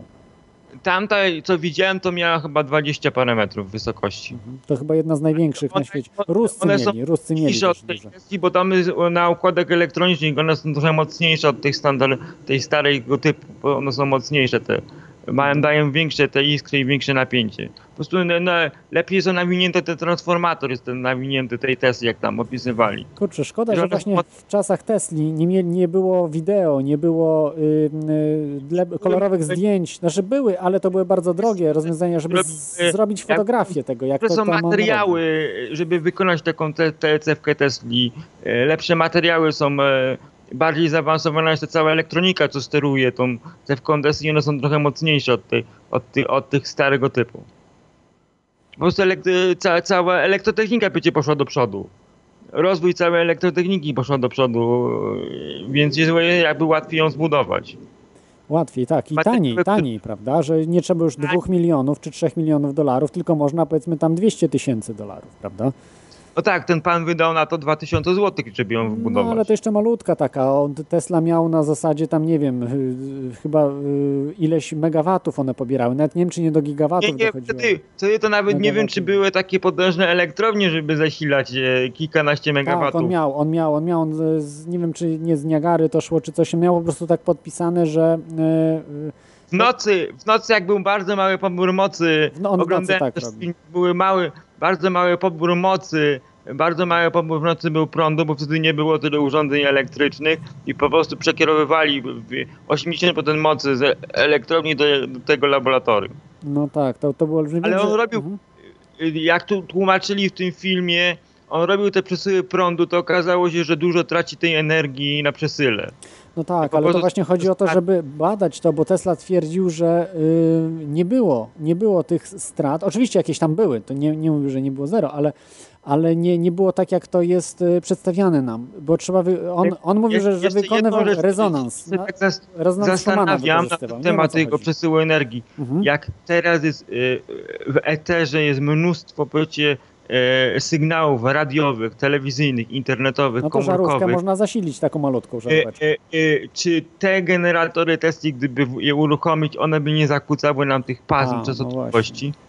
No Podobno nie, bo tak jak ci naukowcy mówili, tutaj, o przepraszam, chyba nie dałem wam linka do tego, tu jest link, o co chodzi, na czacie rzucę linka tutaj do, do tego artykułu, to jest właśnie, że można upakować wiele, y, na jednej częstotliwości może być wiele różnych radii, prawda, czy wiele różnych, y, jak to się mówi, wiele różnych strumieni. Jak to dobrze, pan, jak, to, to już stosują, jest, bo jest tak, y, to jest w telewizji cyfrowej, naziemnej stosują, jest te, te e, e, zaraz panu powiem dokładnie nazwę, muszę tylko pudełko sięgnąć, to DVB-T i na jednej kanale, co jest analogowa telewizja, można nadawać teraz już 8 kanałów standardowej rozdzielczości. Tak, ale tu chyba chodzi a jest już TVP-T 2, gdzie mhm. można nadawać już 16 kanałów e, e, na jednej Bo to jest chyba taki trik e, cyfrowy tylko, a tutaj Nie, nie. Tej drugiej generacji to jest manipulacja częstotliwością. Aha, aha coś jak w komórce, tak? tak. Częstotliwość, kompresja, Polsce jest MPEG 4, dlatego można nadawać e, nie 4, tylko 8 kanałów, a e, DVB-T2 to jest manipulacja częstotliwością. E, w samym sygnale Dzięki temu można jeszcze upakować więcej, więcej kanał, więcej danych przesłać w tej samej częstotliwości. Mhm. Przez manipulację częstotliwości. Dlatego się z, bronią w Polsce przed przejściem na ten jeszcze nowszy standard, bo by trzeba wszystkie głowice w wszystkich telewizorach zmieniać. Mhm. Rozumiem. To właśnie jest problem taki, że wymyślamy jakiś nowy standard i trzeba modyfikować sprzęt odbiorczy. Mhm. Tak samo z cyfrowym tele, radiem. Na jednym FM można upchnąć nawet 20 stacji na jednej częstotliwości analogowej. Ale trzeba wymienić wszystkie odbiorniki. A i tak nie, nie sprzedadzą tych częstotliwości, nie, bo nawet nie ma, nie ma, nawet nie ma, bo ja też to, to, to śledzę. E, w, e, są wolne częstotliwości FM, ale nie ma chętnych. No, nie że ma chętnych, po prostu, za drogo po prostu. Nie, po prostu jest, jak mamy w mieście mamy 10 stacji radiowych, to mamy za mało reklamodawców, żeby się no, też... o to chodzi, że są koncesje za drogie, powinny być z licytacji. No i koncesje, no i, no i, i koszt utrzymania dzienników trochę kosztuje, więc to wszystko kosztuje, kosztuje, kosztuje, żeby to wszystko utrzymać. I po prostu, a, a 20, ja mam ustawione w Krakowie prawie 20 stacji radiowych i to w zupełności mi się wydaje, że wystarczy Mówimy o, o radach takich ogólnokrajowych, żeby nada, nadawać. No, ten. W Londynie razie... jest, jest tysiąc. Y, dobrze, dziękuję, dziękuję Ci tutaj za, za ten telefon. Y, Je, jeszcze jedną rzecz. Tak. Jak była dyskusja na temat y, free energii ten dwa tygodnie temu, to ją podzielił na trzy, na trzy rodzaje. Urządzenia, które nam dają ciepło, tak. energię mechaniczną i bezpośrednio energię elektryczną. Mhm. Tak jakby, czy rzeczy, jeszcze jedną rzecz pan mówił o że Tesli, dzięki Tesli wszystkie elektrownie działają, a to y, y, zamieniają ciepło na energię elektryczną, to jest y, prądnica Tesli. Ale tak, sama tak. elektrownia produkuje nie, energię. Jasne, tak, tak, zgadza się. To jest całkiem co innego. Mhm. Tylko chodziło mi o to zamianę na prąd. W, w tym, w tym tak, miejscu no i, to, i które nie wykorzystują Tesla, to są baterie słoneczne i ogniwa paliwowe. O, ogniwa paliwowe. One dają prąd stały i tam trzeba stosować przetwornicę. Zgadza Właśnie dzięki e, energoelektronice dużych mocy e, dość w Niemczech jest kilka tysięcy już megawatów w samych fotoogniwach zainstalowane. Mhm. Także, także I ceny baterii słonecznych spadają z roku na rok. Teraz cena podawana była, ostatnio sprawdzałem, za 1 watt, to się tak liczy, e, z, z 4 euro spadło na 3 euro. I powie, tam wykres taki widziałem, jeżeli spadnie do 1 euro, to jest łącznie z, z obudową baterii, to wtedy cena będzie konkurencyjna do, do energii z węgla na przykład, bez mhm. żadnych dotacji. Mhm. Y, dziękujemy za ten telefon. Y, tutaj y, musimy teraz powiedzieć trochę o, o Free Energy. O Free Energy, tak, bo Free Energy Free Energy to jest właśnie to, co, co było obsesją Tesli, można by tak powiedzieć. Także tu mieliśmy głos inżyniera, czy człowieka, który się zna na, na rzeczach, że też prąd stały czasem może być ok. Nie zawsze jest po prostu prąd stały niekorzystny znaczy niekorzystne, no, że można mieć po prostu e, większe oszczędności z, używając prądu stałego, e, a nie zmiennego. E, także możecie dzwonić radionafali.com. Jeszcze tutaj Kochman pisze o że burżuje odpowiadają za Tesla, za jego klęskę. Tak, no po części oczywiście. Yy, tutaj widzę, Oskar dzwonił. Dzwoń, dzwoń, Oskarze, po prostu nie wiem, dlaczego znikasz. Yy, w tej chwili zniknąłeś. O, jest, dobrze. Odbierzemy Oskara i zaraz potem wrócę do pytania. Ale szumisz. Halo, halo. Halo, witaj Oskarze. No cześć, jestem w pracy teraz, także mogę trochę szumieć. Nie wiem, czy mnie słychać. No słychać, ale tak jakby za tobą cewka Tesli gdzieś tam była. A może teraz lepiej będzie?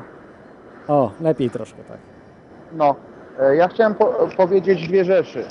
Odnośnie, o, odnośnie e, e, dlaczego moim zdaniem nie wykorzystuje się, nie buduje się e, nowych cewek Tesli. E, uważam, że po prostu one są za duże w tym momencie. E, przesyłanie energii na odległość za pomocą ogromnych wież tego typu, no to by było powiedzmy przy, przy obecnej technologii, może trzeba było faktycznie to badać, ale, ale jeżeli przez 100 lat powiedzmy nie rozwinięto tego, żeby na przykład taką cewką przesłać na większą odległość niż powiedzmy dwukrotność jej wysokości, czy trzykrotność jej wysokości, no to to jest trochę kiepskie. E, I, i, i, no, no, nie, nie zgodzę się, bo Tesla byli świadkowie, którzy twierdzą, że na duże. Mało tego, nie, ty, nie tylko świadkowie, są obecni świadkowie, którzy pracują dla tajnych laboratoriów i mówią, że przesyłano energię na wiele, wiele kilometrów. Nawet nie wiem, czy nie do 100 kilometrów potrafiono przesłać energię z bardzo, e, z małymi stratami. Nie? Także, także to nie jest tak do końca. Ja nie mówię, czy to jest prawda oczywiście, ale mówię, że są takie e, jakieś ślady, wnioski, znaczy nie wnioski, jakieś e, e, zezna, zeznania, tak bym powiedział. No dobrze, to jest jedna rzecz. Drugą, druga sprawa to chciałem sprostować tutaj poprzednika, który mówił o telewizji cyfrowej i oczywiście tam są manipulacje modulacją są różne modulacje używane e, PSK, e, czy tam QPSK, o ile dobrze pamiętam, w tej telewizji cyfrowej i one umożliwiają lepsze, wykorzystanie lepszych algorytmów kompresji cyfrowej. Po prostu na jednej modulacji przy stratach jakichś tam bitów sygnał nie, jest zakłamywany, przy, przy innych modulacjach jest już zakłamywany, także E, to, to, e, ten drugi standard umożliwia po prostu e, większe upakowanie danych cyfrowych i na jednej częstotliwości i przesłanie większej ilości danych cyfrowych, po prostu szybsza transmisja danych i, i te kanały nie są wcale w różnych częstotliwościach. To nie jest tak, że ileś tam częstotliwości jest spakowanych w jedną częstotliwość, tylko to jest cały czas jeden sygnał podzielony po prostu, jedna wiązka cyfrowa, która e, przesyła e, jeden strumień danych i w tym strumieniu danych jest, e, no te dane są podzielone na poszczególne kanały. Po, poza tym Czyli nie ma tak, jeszcze to tak, e, nie ma tak, jak tutaj opisują ci naukowcy, że na jednej częstotliwości, takiej konkretnie jednej częstotliwości możemy mieć nieskończenie wiele stacji radiowych. Ja wiem, że to brzmi absurdalnie, ale tak oni o tym piszą, że jest to możliwe. No, no to czegoś takiego nie ma, żeby to było nieskończenie wiele. Można przesyłać wiele tych stacji radiowych, E, to no nie właśnie oni piszą, że nieskończenie. No niemal, oczywiście, bo to, że nie, nieskończenie wiele w zależności od tego, jaką energią dysponujesz po prostu. Tylko od energii zależy wtedy. No, no to czegoś takiego w tym momencie nie ma na pewno. E, poza tym jeszcze mhm. e, kwestia DVB-T. Oczywiście jest DVB-T, jest DVB-T2 w tym momencie już. I to DVB-T2 to jest właśnie ten MP4, bo wcześniej był DVB-T zwykły, który się opierał, e, który miał, używa modulacji e, przystosowanych do MPEG 2. W tym momencie już jest DVB-T2 w zasadzie, e, który jest przystosowany do MPEG 4. W Polsce nigdy DVB-T ten pierwszy nie, nie wszedł, ale w Niemczech na przykład już były tunery naziemne cyfrowe, które korzystały z tego DVB-T i często można kupić na Allegro na przykład takie tunery, które są do, u nas zupełnie do niczego niepotrzebne, e, a, a, bo, bo po prostu w tym standardzie nikt już nie nadaje, bo wszyscy przeszli e, na, na ten nowszy. Natomiast w telewizji satelitarnej było coś takiego i, i na przykład w telewizji satelitarnej część kanałów, na przykład Cyfry Plus, jest nadawanych w standardzie DVB-S, a część jest nadawanych w standardzie DVB-S2 i, i dzięki temu można właśnie więcej kanałów upchać na jednej częstotliwości już w jakości HD. E, nie ma ograniczenia natomiast e, co do ilości tych kanałów teoretycznie, e, bo tutaj, tu, może trochę sprostuję, bo sprawa wygląda w ten sposób, że wszystko zależy od tego, jaką jakość chcemy uzyskać. Jeżeli chcemy uzyskać większą jakość, lepszą jakość i więcej tych, ten bitrate chcemy większy, no to oczywiście mniej kanałów na jednej częstotliwości upchniemy. Jeżeli, jeżeli jesteśmy zdolni, e, powiedzmy, do poświęcenia tego bitrate'u e, i na przykład e, nie zależy nam na jakiejś tam super jakości, to można i teoretycznie upchać 50 kanałów na, na, na, na takiej częstotliwości. To, to, nie jest aż, aż taki problem. Tylko, tylko po prostu to jest kwestia ustawień odpowiednich, no nie? Ale, ale oczywiście jest granica, także to, co ci naukowcy teraz powiedzieli, to, to jest zupełna nowość i myślę, że to nie, jednak nie ma nic wspólnego z obecną technologią telewizji cyfrowej czy, czy radia cyfrowego, które też jest przesyłane oczywiście. Halo? Tak, tak, tak, tak, tak. Słyszę, słyszę Ciebie. Okej. Okay.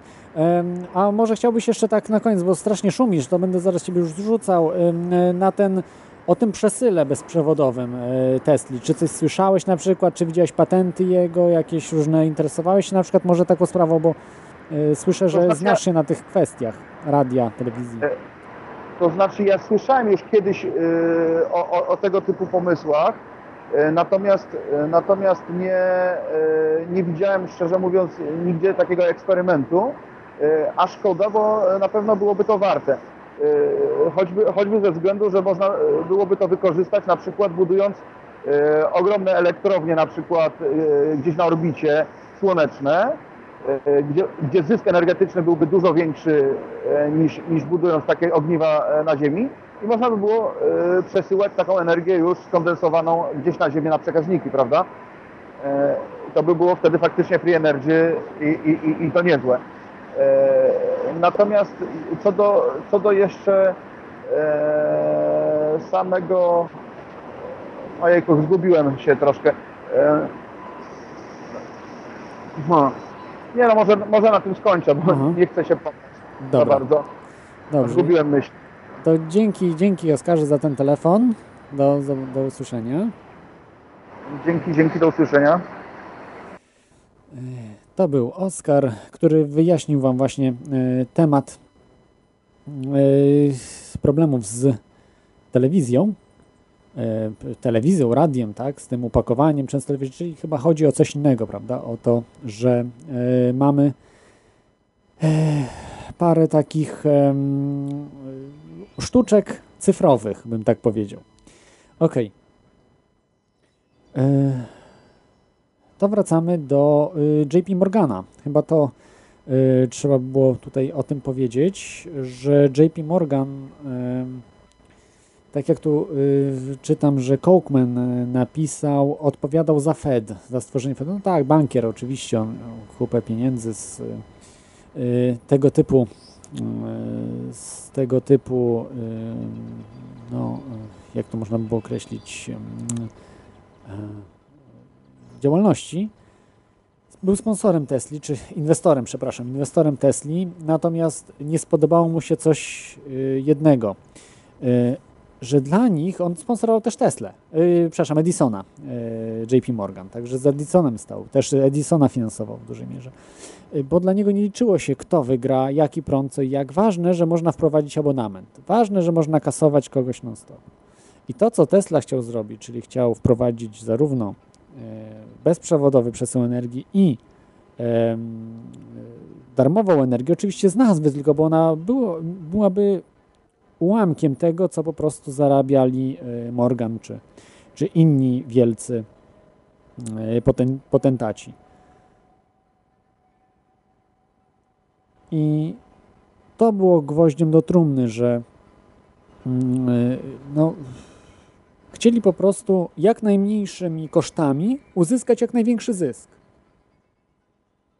I dodatkowo, żeby ludzie nie mogli się uniezależnić od systemu tego, żeby byli e, w tym systemie. No, też, też ekonomicznie on to rozumiał doskonale, JP Morgan, bo twor, tworząc Fed, który właśnie na takiej zasadzie działa, że żeby uzależnić wszystkich ludzi od siebie, od banków. O, y, w tej chwili jeszcze odbiorę Mapeta. Jest Mapet z nami na linii. Halo? Y, witaj Mapecie. E, witam serdecznie. Dobry wieczór. Już sobie ściszam radio, już, e, już e, słyszę tylko Ciebie bez pogłosu. Słyszę, że w ogóle rozmowa jest na bardzo ciekawy temat Tesli. Tak, tak. I JP Morgana. Ledwo żyje, bo... Który był, a właściwie nie,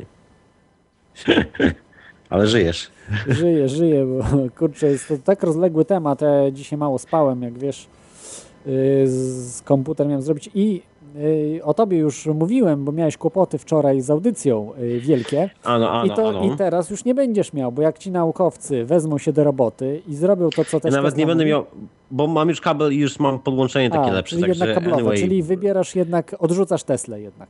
Odrzucasz. Nie, nie, wcale nie. Słuchajcie, a propos tych urządzeń, a propos tych urządzeń na że przesyłają prąd bez kabla, te urządzenia już działają i można sobie, nie mam w tym momencie linka, musiałem poszukać mocno, e, są takie gadżety do kuchni do kupienia, na przykład takie e, kupiłeś taką, to, to jest taki designerski sprzęt generalnie, kosztuje to w okolicach chyba 5 czy czasami 6 tysięcy dolarów, jest taka metalowa listwa, taka fajna, aluminiowa, wygląda jak taki metalowy coś, takie ciemne, fajne, oksydowane troszeczkę. I to jest taka metalowa listwa, którą się wiesza na ścianie i ma się do tego urządzenia typu, nie wiem, jak mikser i tak dalej, całe te wszystkie dom, domowe, domowe sprzęta do, do robienia ciast, u- cokolwiek. I to się na przykład przyczepia, to jest taki magnes, i to się po prostu tylko przyczepia do tej listwy i to się ładuje bez kabla. Na przykład, taka rzecz.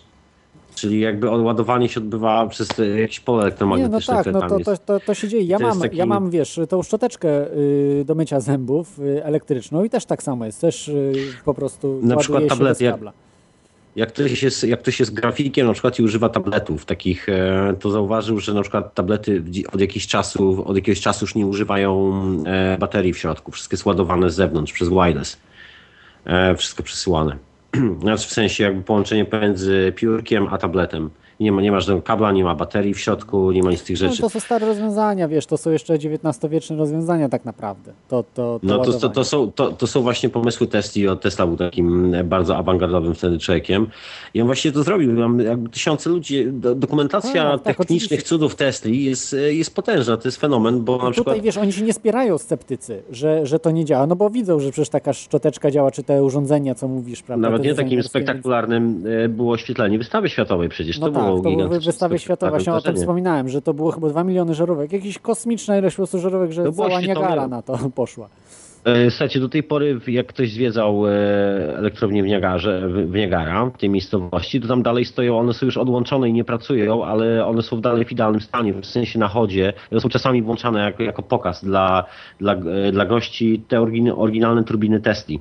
One są, Bo trzeba wam wiedzieć, że to działają. y, pierwsza elektrownia wodna właśnie była zrobiona y, przez y, y, Teslę i przez Westinghouse. No nie do Westinghouse. końca. We- We- Western Union, ale oni zamówili u, Tes, u Tesli zamówili aku- po prostu maszyny, prądnice, które będą napędzane. Te- Tesla był człowiekiem, którego zamówiono i on się podjął tego, że dodatkowo oprócz tego, że e, do, wybuduje genialne prądnice, to jeszcze prześle ten prąd na, do Chicago bez żadnego kabla z tych prądnic. I zrobił to. I przysłał prąd na wystawę światową bez żadnego kabla. Co było fenomenem. Do, Nie, do, do z tej pory jest fenomenem. wtedy. Wtedy chyba jeszcze nie miał Właśnie wysłał, wysłał bez kabla za pomocą swojego właśnie wynalazku z, z dużą cewką, były piramidy i tak No, dalej. musiał, to, musiał, musiałbym doczytać, bo wydawało mi się, że jednak kable były. Okej, dobra, m- może masz rację.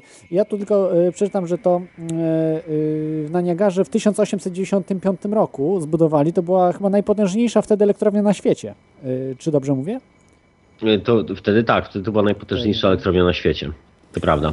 Także, także dzięki niemu on miał już te projekty w, jeszcze w elektrownie właśnie te, które prąd tworzą, to już miał jak jeszcze na studiach nie był, czyli jeszcze w 70 latach XIX wieku. Okej. y, y, I wiesz, spór jest po prostu w tym, że Tesla nie mógł wy, wydajnie przesyłać, bo mógł oczywiście to, ten prąd przesyłać, ale że wydajnie, czyli, czyli jak wiesz, przesyłasz, no to marnujesz na przykład 99% tego prądu i 1% to ci zaświeci żarówkę, więc po prostu to nie ma sensu. I to sceptycy właśnie zarzucają. No i tu trudno, wiesz, no my, my nie Mhm. jesteśmy naukowcami, no, no co mamy powiedzieć? No też Znaczy wiesz, mamy... ciężko jest jakby z tym, e, z tym zarzucaniem sceptyków, bo em, w ogóle a propos zarzutów, e, Tesla to jest w ogóle historia z Tesli, kiedy się okazało, że, że tak naprawdę deal z Morganem jest postawiony, bo w ogóle deal e, z Morganem okazało się po prostu postawionym dealem. E, Bo Morgan był współwłaścicielem na przykład patentów, będąc współwłaścicielem, inwestując pieniądze w biuro patentowe, znaczy w, e, w biuro wyna, wynalazcze e, Tesli, automatycznie stało się jakby współdziałowcem tych patentów, jakby procent do nich i tak dalej. To są kwestie prawne. Podobnie, podobnie jak z Edisonem i tak dalej, i tak dalej. No z Westinghouse też było, wiesz jak było ciekawie, że Westinghouse poprosił Tesla, że po prostu firma źle stała i poprosił Tesla, on miał już wtedy 15 y, chyba milionów y, dolarów, tylko nie wiem, czy na tamte pieniądze, czy na dzisiejsze. Wiem, że bardzo duże pieniądze już miał z tych, z tych tam patentów i poprosił, żeby zrezygnować z tych pieniędzy y, i przerzucić je do firmy. No i Tesla to zrobił, co zostawiając sobie jakieś tam śmieszne pieniądze, co uważam zrobił głupio, bo i tak potem firma poszła pod plajtę praktycznie. Nie, no nie wiem, wiesz co, nie wiem jak było finansowo z Tesla, ale troszeczkę tak to wygląda. On tak oddawał całą tą, tą kasę, bo prostu go wyrolowali wszędzie. Nie? Oddawał jak oddawał, że był to człowiek, który zarabiał duże pieniądze, i, bo robił też gigantyczne i genialne przedsięwzięcia. Ale z drugiej strony e, jakby cały czas e, troszeczkę tak, e, trochę taka teoria spiskowa, ale wszystkiego przedsięwzięcia miały taki robiony, był troszeczkę sztucznie zamykany. Takie, nagle się okazało, że wielki współinwestor, jeden z najbogatszych ludzi na świecie, JP Morgan, w ciągu jednego dnia staje się największym wrogiem Tesli, swojego ulubionego e, e, że tak powiem, po, podopiecznego no, ale jak mu powiedział o tym, przyjęciu. o Free Energy, zaczął tam, wiesz, nadmieniać i o tym e, przesyle bezprzewodowym, no to przecież, wiesz, no to każdego by zdenerwował inwestora. Nie wiem, ale myślę, że JP Morgan wiedział o ideach Tesli grubo wcześniej, zanim, zanim Tesla w ogóle powiedział coś takiego, zrobił takie rzeczy, bo Tesla nie był facetem, który udawał, że jest inny niż jest. Jakby to nie było tak, że on e, sprzedawał JP Morganowi obraz jakiegoś szaleńca, który mu tam wyprodukuje maszynę do przesyłania faksów mhm. przez ocean, bo po to JP Morgan potrzebował głównie na początku testi po to, żeby wymyślił mu telegraf tak naprawdę chodziło o przesyłanie informacji przez ocean, do, o, bo był właścicielem, bo Morgan był właścicielem e, kompanii jakby statków i chodziło o kontrolowanie tych statków, który wypływa z portu, który jeszcze nie wypływa z portu, kontrolując, wiedząc, który wypływa, który rusza, można kontrolować giełdę i podnosić na przykład y, ceny surowców na giełdzie i wiedząc, ile jest załadowana strategia. No tak, przede wszystkim Morgan inwestorem, bankierem, prawda? I o tym to, nie należy zapominać. Wyłącznie. Tak, a y, to jest prawda, przecież on w Edisona też inwestował. O tym na przykład nie tak, mówi się, no to że... jeżeli był wrogiem Edison Tesli, a on dwóch sponsorował, czy inwestował w dwóch, to oznacza, że on po prostu miał swoje cele. I jego celem nie było dostarczenie każdemu za niewielki ułamek ceny e, prądu, tylko że on miał ten prąd kontrolować cały, w całych Stanach Zjednoczonych na przykład. Myślę, myślę, że o czym się nie mówi, e, myślę, że Tesla chyba nigdy tego głośno nie powiedział, bo tak trochę głupio było pewnie się przyznać, ale myślę, że został mocno oszukany przez, e, że całą kasę, którą zainwestował, jakby firmy, które zostały świadomie zniszczone. Po prostu widać, że były niszczone specjalnie, e, specjalnie chociażby na przykład przez prawo patentowe. Moment, kiedy JP, Patent, JP Morgan zrywa umowę w ogóle, żąda jakiegoś astronomicznego odszkodowania ma prawo do patentów, blokuje wszystkie wnioski patentowe i nagle właściwie człowiek, e, który powinien już mieć, ma gigantyczny dorobek, taki naukowy, w sensie patentów i tak dalej, zostaje z nikim, bo, z niczym, bo jego patenty są zablokowane, wszystkie, łącznie z jego pieniędzmi, jego firmą i wszystkim, co miał. Nie jest to jedyny taki przypadek w historii. Tak, zniszczono, wiesz, zniszczono tą, tą wieżę po prostu, z, zablokowano. laboratorium. Jaki, no laboratorium to wcześniej, ale to też prawdopodobnie jeszcze w XIX wieku chyba spalono. Tam wszystko zginęło no, to, to, to, to jedno, ale, było, ale drugie, no. które wybudował już jako niezależny, ponieważ się nauczył, żeby już więcej nie inwestować swego czasu ani energii w JP Morganów i tym podobne e, tym podobną hołotę. To z telefonkanem e, chyba, tak? To był wtedy z Niemcami tam coś zaczął działać. E, on po prostu otworzył własne, w nowym, tuż właściwie chyba na Coney Island, na takiej wyspie obok Nowego Jorku, otworzył własne laboratorium.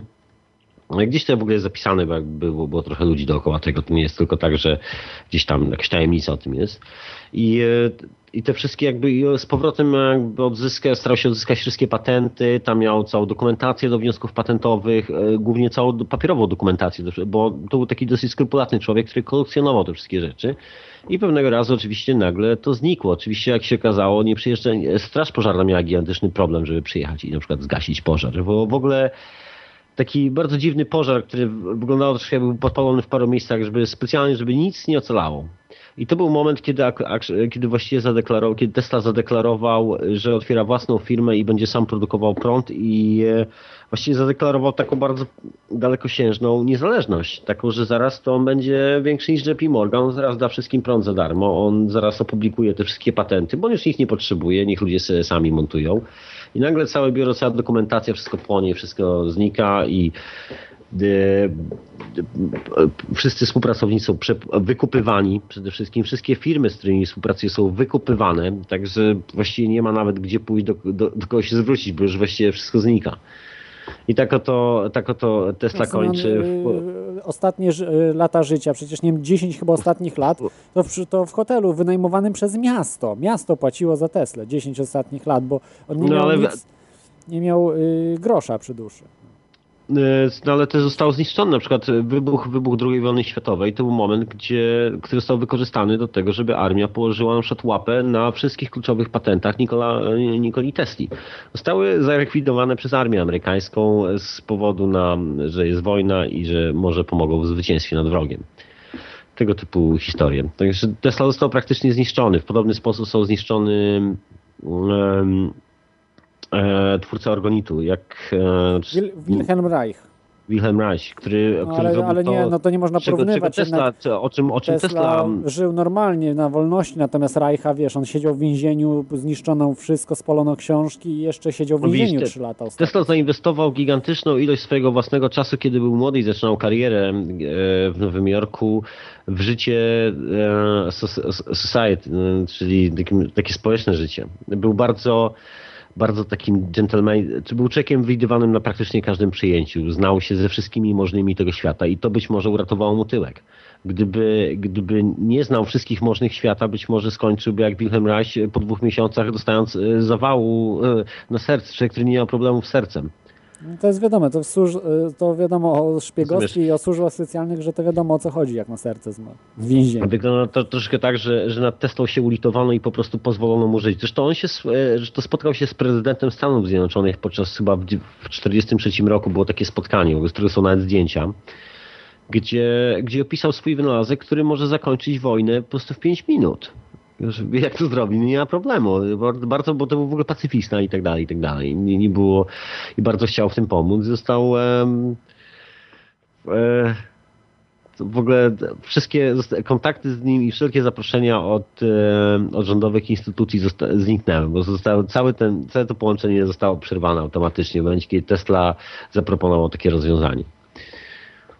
Także geniusz, który, bardzo niechciany geniusz, po prostu niechciany geniusz naszych czasów, można powiedzieć. No wiesz, on za bardzo wyprzedzał wszystko i to jest nie na rękę tym możnym elitom, no bo wyobraź sobie na przykład Tesla, no załóżmy, prawda, że miał to urządzenie Free Energy i y, te urządzenia właśnie Free Energy są nie na rękę im, y, tym wszystkim możnowładcom, bo y, dzięki nim stracą to, co mają, czyli wiesz, tak zwane kasowanie abonamentu od ludzi. Przecież w dzisiejszym świecie to jest generalnie państwowo-prywatne firmy wielkich koncernów, nad którymi też banki siedzą, energetyczne, które dostarczają prąd. A ty nawet nie możesz sobie wiatraka zbudować u siebie na, na tym, na y, podwórzu, bo musisz mieć milion różnych pozwoleń. No to jest absurdalne. To prawda, to prawda. No Tesla z tym walczył. To był jeszcze początek, pamiętam, że kiedy Tesla zaczynał, e, nie było czegoś takiego jak prymatu firm naftowych który jest teraz. Nie było czegoś. Większość samochodów tak naprawdę była elektryczna.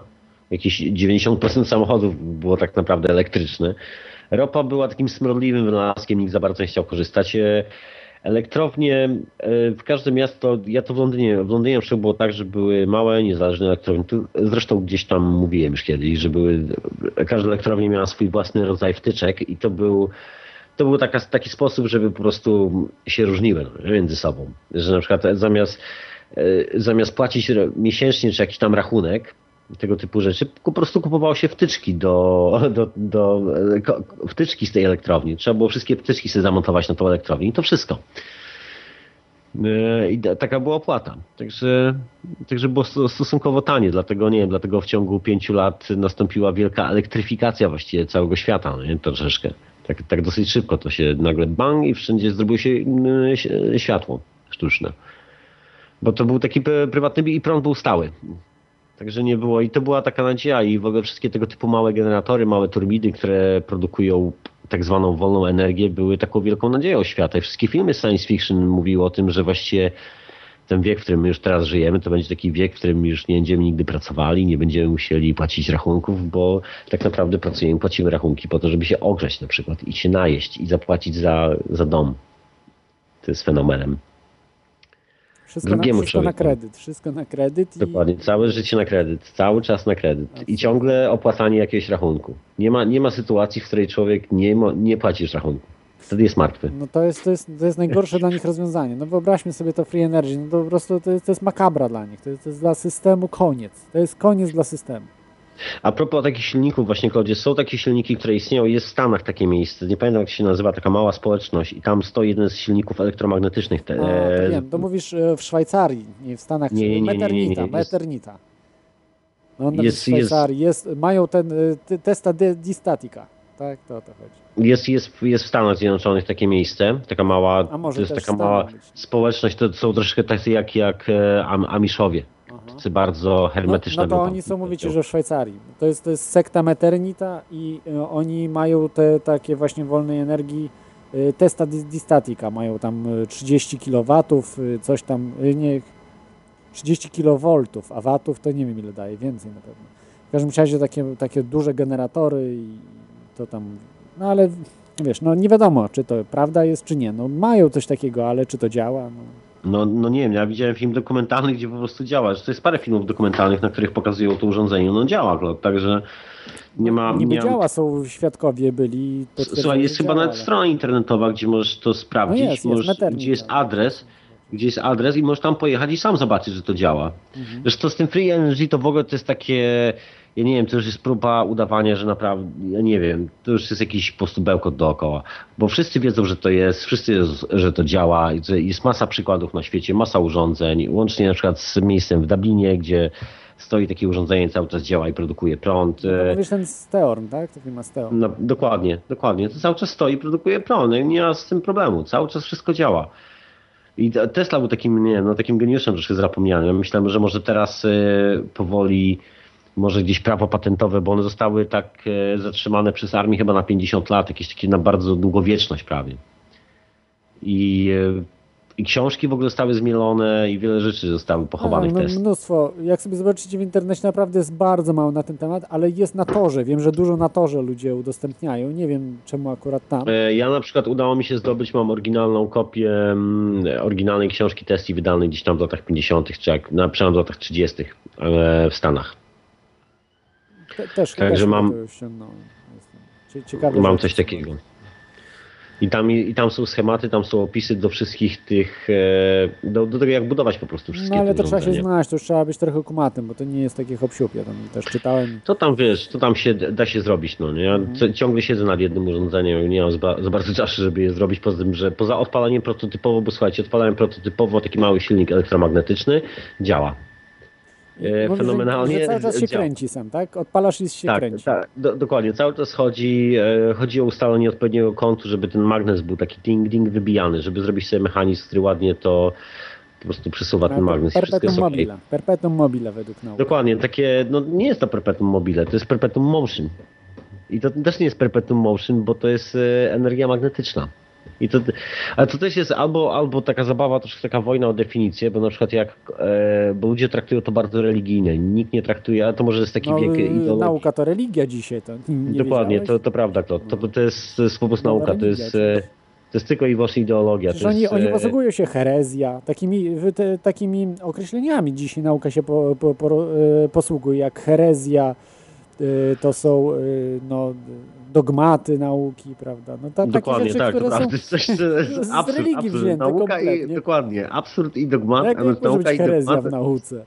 Otóż to nie ma, nie ma czegoś takiego. Także E, także urządzenia są, urządzenia działają, to powoli wraca ten, e, ten cały koncept Tesli do, do, do życia. Z tego co się orientuje właśnie na cześć, e, na cześć jego, jego pomysłu z silnikami elektrycznymi, o tym jak, jak powiększać moc tych silników, wręcz tak prawie do kwadratu, nie, nie zwiększając ich e, objętości w sensie fizycznej, czyli że tam jest więcej kółek i mechanizmów w środku.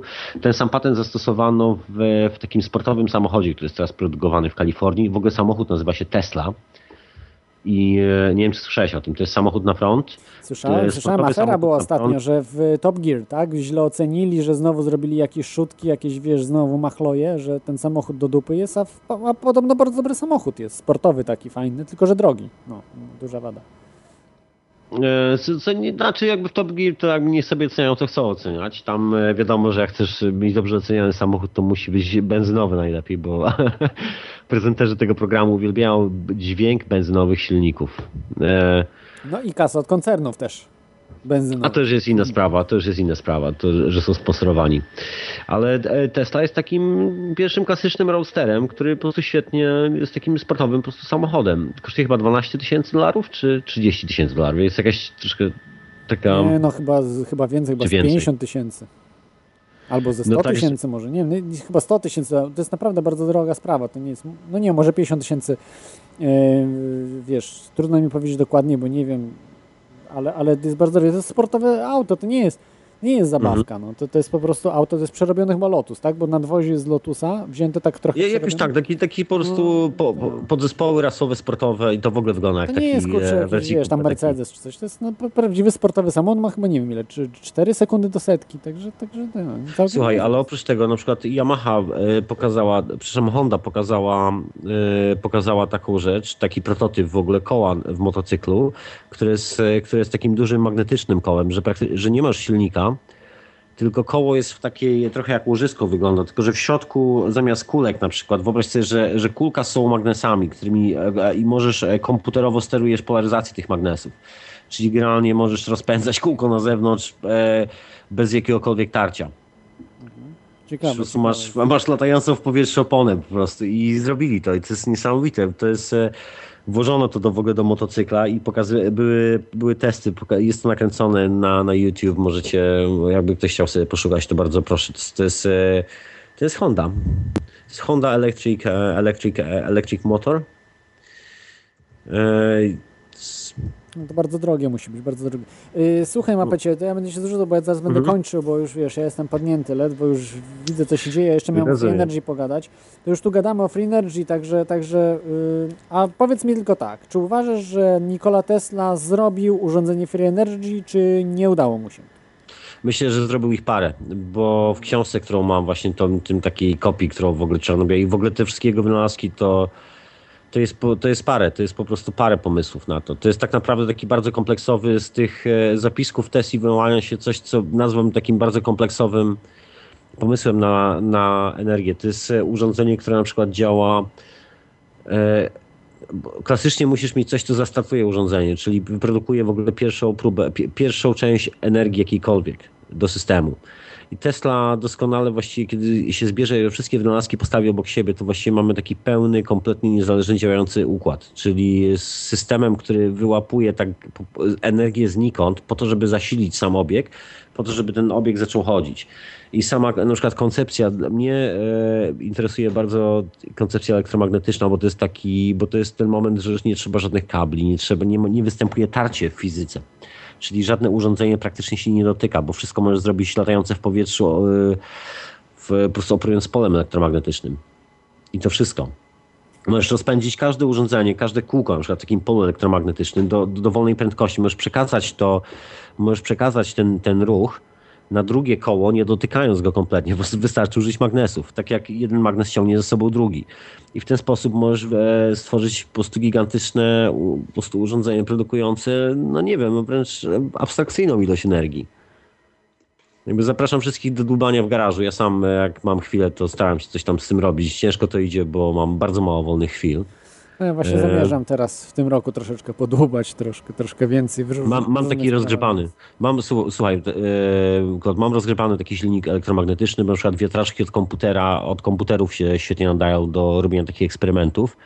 To jest silnik Bodiniego na przykład, taki też się czasami nazywa jako silnik Bodiniego. Mhm. I, e, I one świetnie się zachowują, bo one są, bo one nie mają tej blokady, one mogą pracować jednocześnie jako dynamo czyli te silniczki pracują w obydwie strony, także to jest taka ciekawostka. Także jeżeli do tego zastosować, na przykład z, zrobić takie coś i tylko wyciągnąć z tego prąd, to po prostu rewelacja, bo tak, ruchu już nie trzeba, nad ruchem się nie trzeba martwić, już nie, nie trzeba nic oliwić, bo możesz zrobić takie urządzenie, które przenosi ruch za pomocą po prostu pola magnetycznego. To wszystko. Także mm, przypomina to troszeczkę rozsypanie metalowych opiłków na stole, wzięcie magnesu i bawienie się tym magnesem pod stołem. Bez dotykania opiłków. To jest dokładnie na tej samej zasadzie. Mhm. Także taka, taka, taka fascynująca rzecz. Jeszcze u Tesli był początek troszeczkę i coś, co dla mnie jest interesujące, bo to nie było tylko u Tesli, ale też u Wiktora Straubergera. Kwestia proporcji tych wszystkich urządzeń. Ja się w ogóle przyglądałem na te oryginalne rysunki właśnie, właśnie Tesli. To bardzo istotną rzeczą są proporcje tych urządzeń, po to, że te wszystkie proporcje są bardzo często oparte na złotym podziale.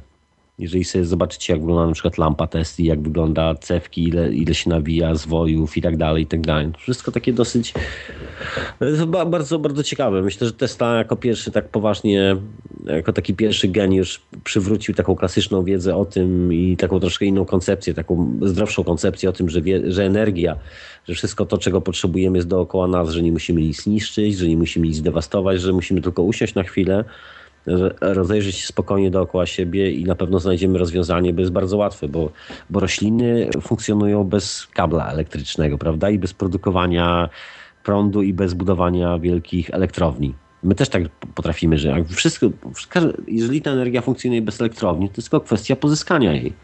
To jest ta drobna, ten drobny przełącznik w głowie na trochę inne myślenie, żeby nie nic do wysadzenia w powietrze, ale bardziej przyglądanie się roślinom i temu, jak jest zbudowany świat dookoła nas. Po to, żeby, żeby się dopasować e, innej, nie go zniszczyć, można tak bym to określił. Tak, no tutaj się zgodzę, zgodzę z Tobą w pełni. E, no, takie, tak jest po prostu. No. On, on to zrozumiał dużo wcześniej, prawda? Natomiast e, dopiero teraz, większość ludzi dopiero teraz zaczyna rozumieć to. Ale też nie wszyscy, no, elity rządzące, no, nie ma nawet o czym mówić. To jest tak tylko to zupełnie jakaś garstka ludzi rozumie, że tak nie można dalej jak funkcjonuje. No, okej, okay. dobrze, dzięki, dzięki Mapecie za, za ten wykład y, taki dosyć ciekawy, prawda? Na temat, Proszę bardzo. Y, Tesli, prawda? No i też, że praktycznie, prawda? Do, do Free Energy sam podchodzisz, robisz różne rzeczy. Tak, planuję ciągle, chcę jak najszybciej to skończyć, słuchajcie, jak skończę i odpalę w ogóle pierwszą cewkę. A propos, właśnie czytałem newsa świetnego i już jakieś laboratorium, chyba General Motors, nie, oh man, nie pamiętam jaki to był laboratorium. Jakieś poważne laboratorium. Czekajcie, już sobie sprawdzam. Takie dosyć e, zaawansowane. Nie wiem, czy to nie było General Motors, czy jakaś duża amerykańska korporacja. Opublikowało wynik badań i chłopaki wymyślili coś w rodzaju LEDa. Takie, takiego małego LEDa, który sam z siebie produkuje więcej energii niż potrzebuje. Nie wiem jak to zrobili, może widziałem zdjęcia tego LEDa. To jest taki po prostu zwykły LED nie ma, nie, nie ma żadnej sensacji. Nie wiem, ponoć soczewka coś skupia i w ogóle i on łapie więcej energii niż czy, czy jakiś czy on się coś, coś rezonuje w środku. Cholera wiem. Nie mam bladego pojęcia, to jest opatentowane. Myślę, że ten patent jest, e, e, jest zarejestrowany aktualnie. To taka ciekawostka. Także kolejny krok do wolnej energii i jeszcze jest jedno wydarzenie. E, czekajcie, bo mam tu tak szybko w, też ze Stanów e, na Uniwersytecie Pensylwania odpalono kolejny e, nazwali to wastewater generator, czyli że można sobie na przykład taką e, brudną wodę wlać i do tego i to produkuje prąd, czyli właściwie zimna fuzja. Taka trochę Także, Tylko, także to się dzieje. Z, znaczy z brudną wodą czy ciężką wodą? W sensie, że promieniotwórczą wodą, tak? Taką. Nie, nie, nie, nie, po prostu z brudną, po prostu z brudną. Nic, żadnej promieniotwórczej. Żadnej, żadnej ciężkiej wody. Już wklejam linka, bo to nawet na BBC było, także już na czacie jest link. E, także dzieje się troszeczkę z tej, e, z tej, że tak powiem, wolnej energii. Trochę zaczyna się dziać. Tak, nie jest troszkę, to, nie, nie, troszkę jest, jest troszkę jest. Tam z Rosją jakieś kłopoty są ostatnio, ale to też jakiś pewnie zrobię odcinek o tym, trochę więcej będzie, może jakiś specjalista się odważy, bo trochę wysyłałem maili, ale się nikt nie odważył. E, nie, odważył się, przepraszam, jeden się odważył, fizyk, tak odważył się też, tak może nie do końca, ale odważył się Wystąpił natomiast też z takimi ludźmi zainteresowanymi jeszcze może jakimiś innymi, którzy, którzy no bo w Polsce po prostu są ludzie też, którzy się zajmują zimną fuzją. To też jest dziwne, ale są. ale to jest zupełnie inny temat. Także dzisiaj był Tesla, yy, także no spuściznę ma olbrzymią Tesla, tylko po prostu trzeba chcieć sobie wziąć to i robić, i badać, i sprawdzać, prawda? A nie, a nie negować, bo od negacji nic nie urośnie. No, jak będziesz negował, że y, to bzdury pleciesz, ale nic nie będziesz robił, to kwiatek y, obumrze, bo trzeba go podlać czasem, nie? Więc, mhm. więc trzeba Dokładnie. po coś robić. Bo jak nic nie, będzie, nie, nie, będziecie robili, no to od marudzenia, od ne negacji, to po prostu zwiennie cała ludzkość, no i wiennie bo wszyscy naukowcy tylko zajmują się, biorą kasę i tylko marudzą, że to niemożliwe, to niemożliwe, to niemożliwe. No, no to tak się nic nie zbuduje, no ludzie. No, ale tak, tak, tak to już jest. Dobrze, dziękuję Ci, Mapecie. Za... Proszę Cię bardzo. Pozdrawiam wszystkich słuchaczy i zapraszam do y, słuchania, do słuchania radia. Dobranoc. Cześć. Yy, tak, to był Mapet, yy, prowadzi yy, audycję Hiperprzestrzeń w radiu na fali. No i zrezygnował z Tesli, bo podłącza się kablem teraz. A ja tylko tu tak jeszcze na koniec chciałem powiedzieć, bo tu parę jeszcze rzeczy miałem o tym, jak właśnie Tesla za, załatwili, bo Mapet to świetnie wyjaśnił, że miał jeszcze innych inwestorów, o których wspominałem, niejakiego Johna Jacobsa Astona, Astora, on y, zginął na Titaniku. Y, jest też inna teoria spiskowa, że na Titaniku dużo właśnie ludzi po prostu było wpływowych, którzy mieli zginąć, a niektórzy ludzie wiedzieli, którzy nie popłynęli tym, wpływowych, że tamci zginą i ich po prostu interesy czy przejmą, czy po prostu y, z, będzie pole na to, na dalsze działanie. Y, także ten pan y, John Jacobs Astor popłynął, natomiast JP Morgan nie popłynął.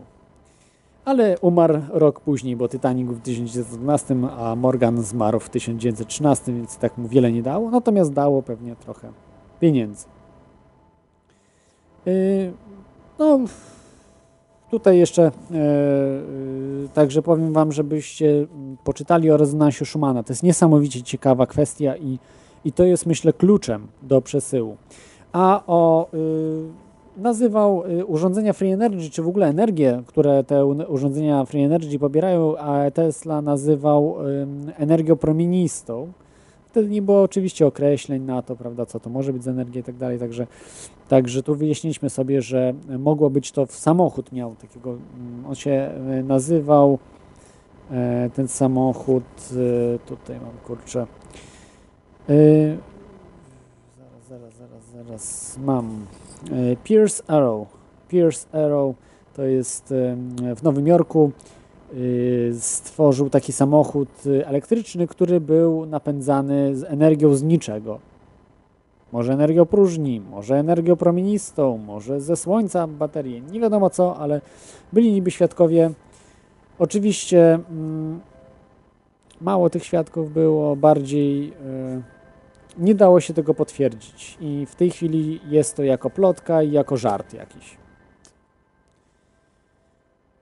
Nie wiem, jest więcej, więcej przykładów, że ludzie jeżdżą bez paliwa samochodami, to nie tylko Tesla, więc e, to nie jest takie jednoznaczne, ale faktycznie nie ma tutaj na potwierdzenia. Dobrze, to ja myślę, że na dzisiaj to taki wstęp trochę do Tesli, ogólnie y, powiedziane. Umarł w biedzie, jak mówiłem, w 1943 roku,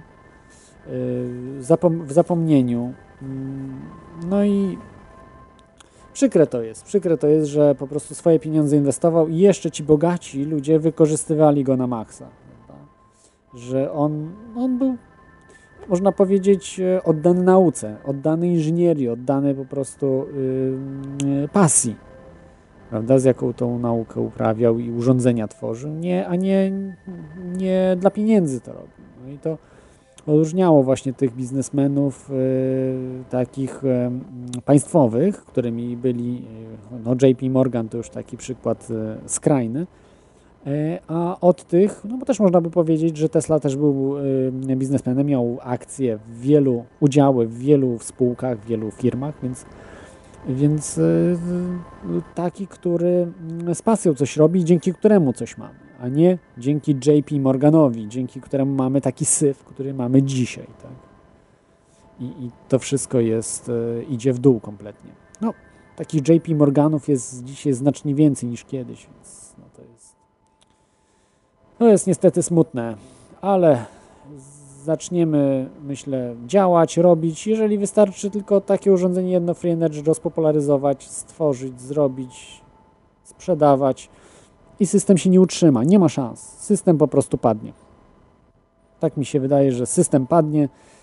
Yy, nie, ma, nie ma szans, żeby taki system się utrzymał wtedy. O, już się powtarzam. Ok, dobra, kończymy.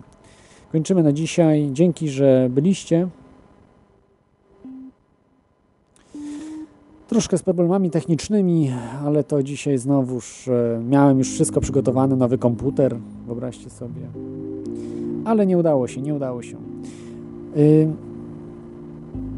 Zapraszam za tydzień na Toje Chaosu. Jak zwykle o 24 będzie znowu ciekawy temat. A ja może przeczytam, że dr Tesla odparł sceptykom, że świat już jest nieźle rozchwiany. Dodał również, że nadszedł czas, by zwrócić się ku nowym zasobom.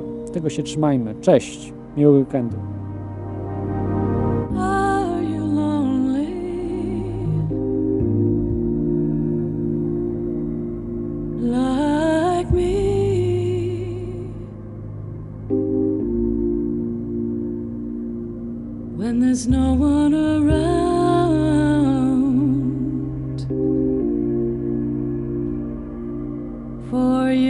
To talk with.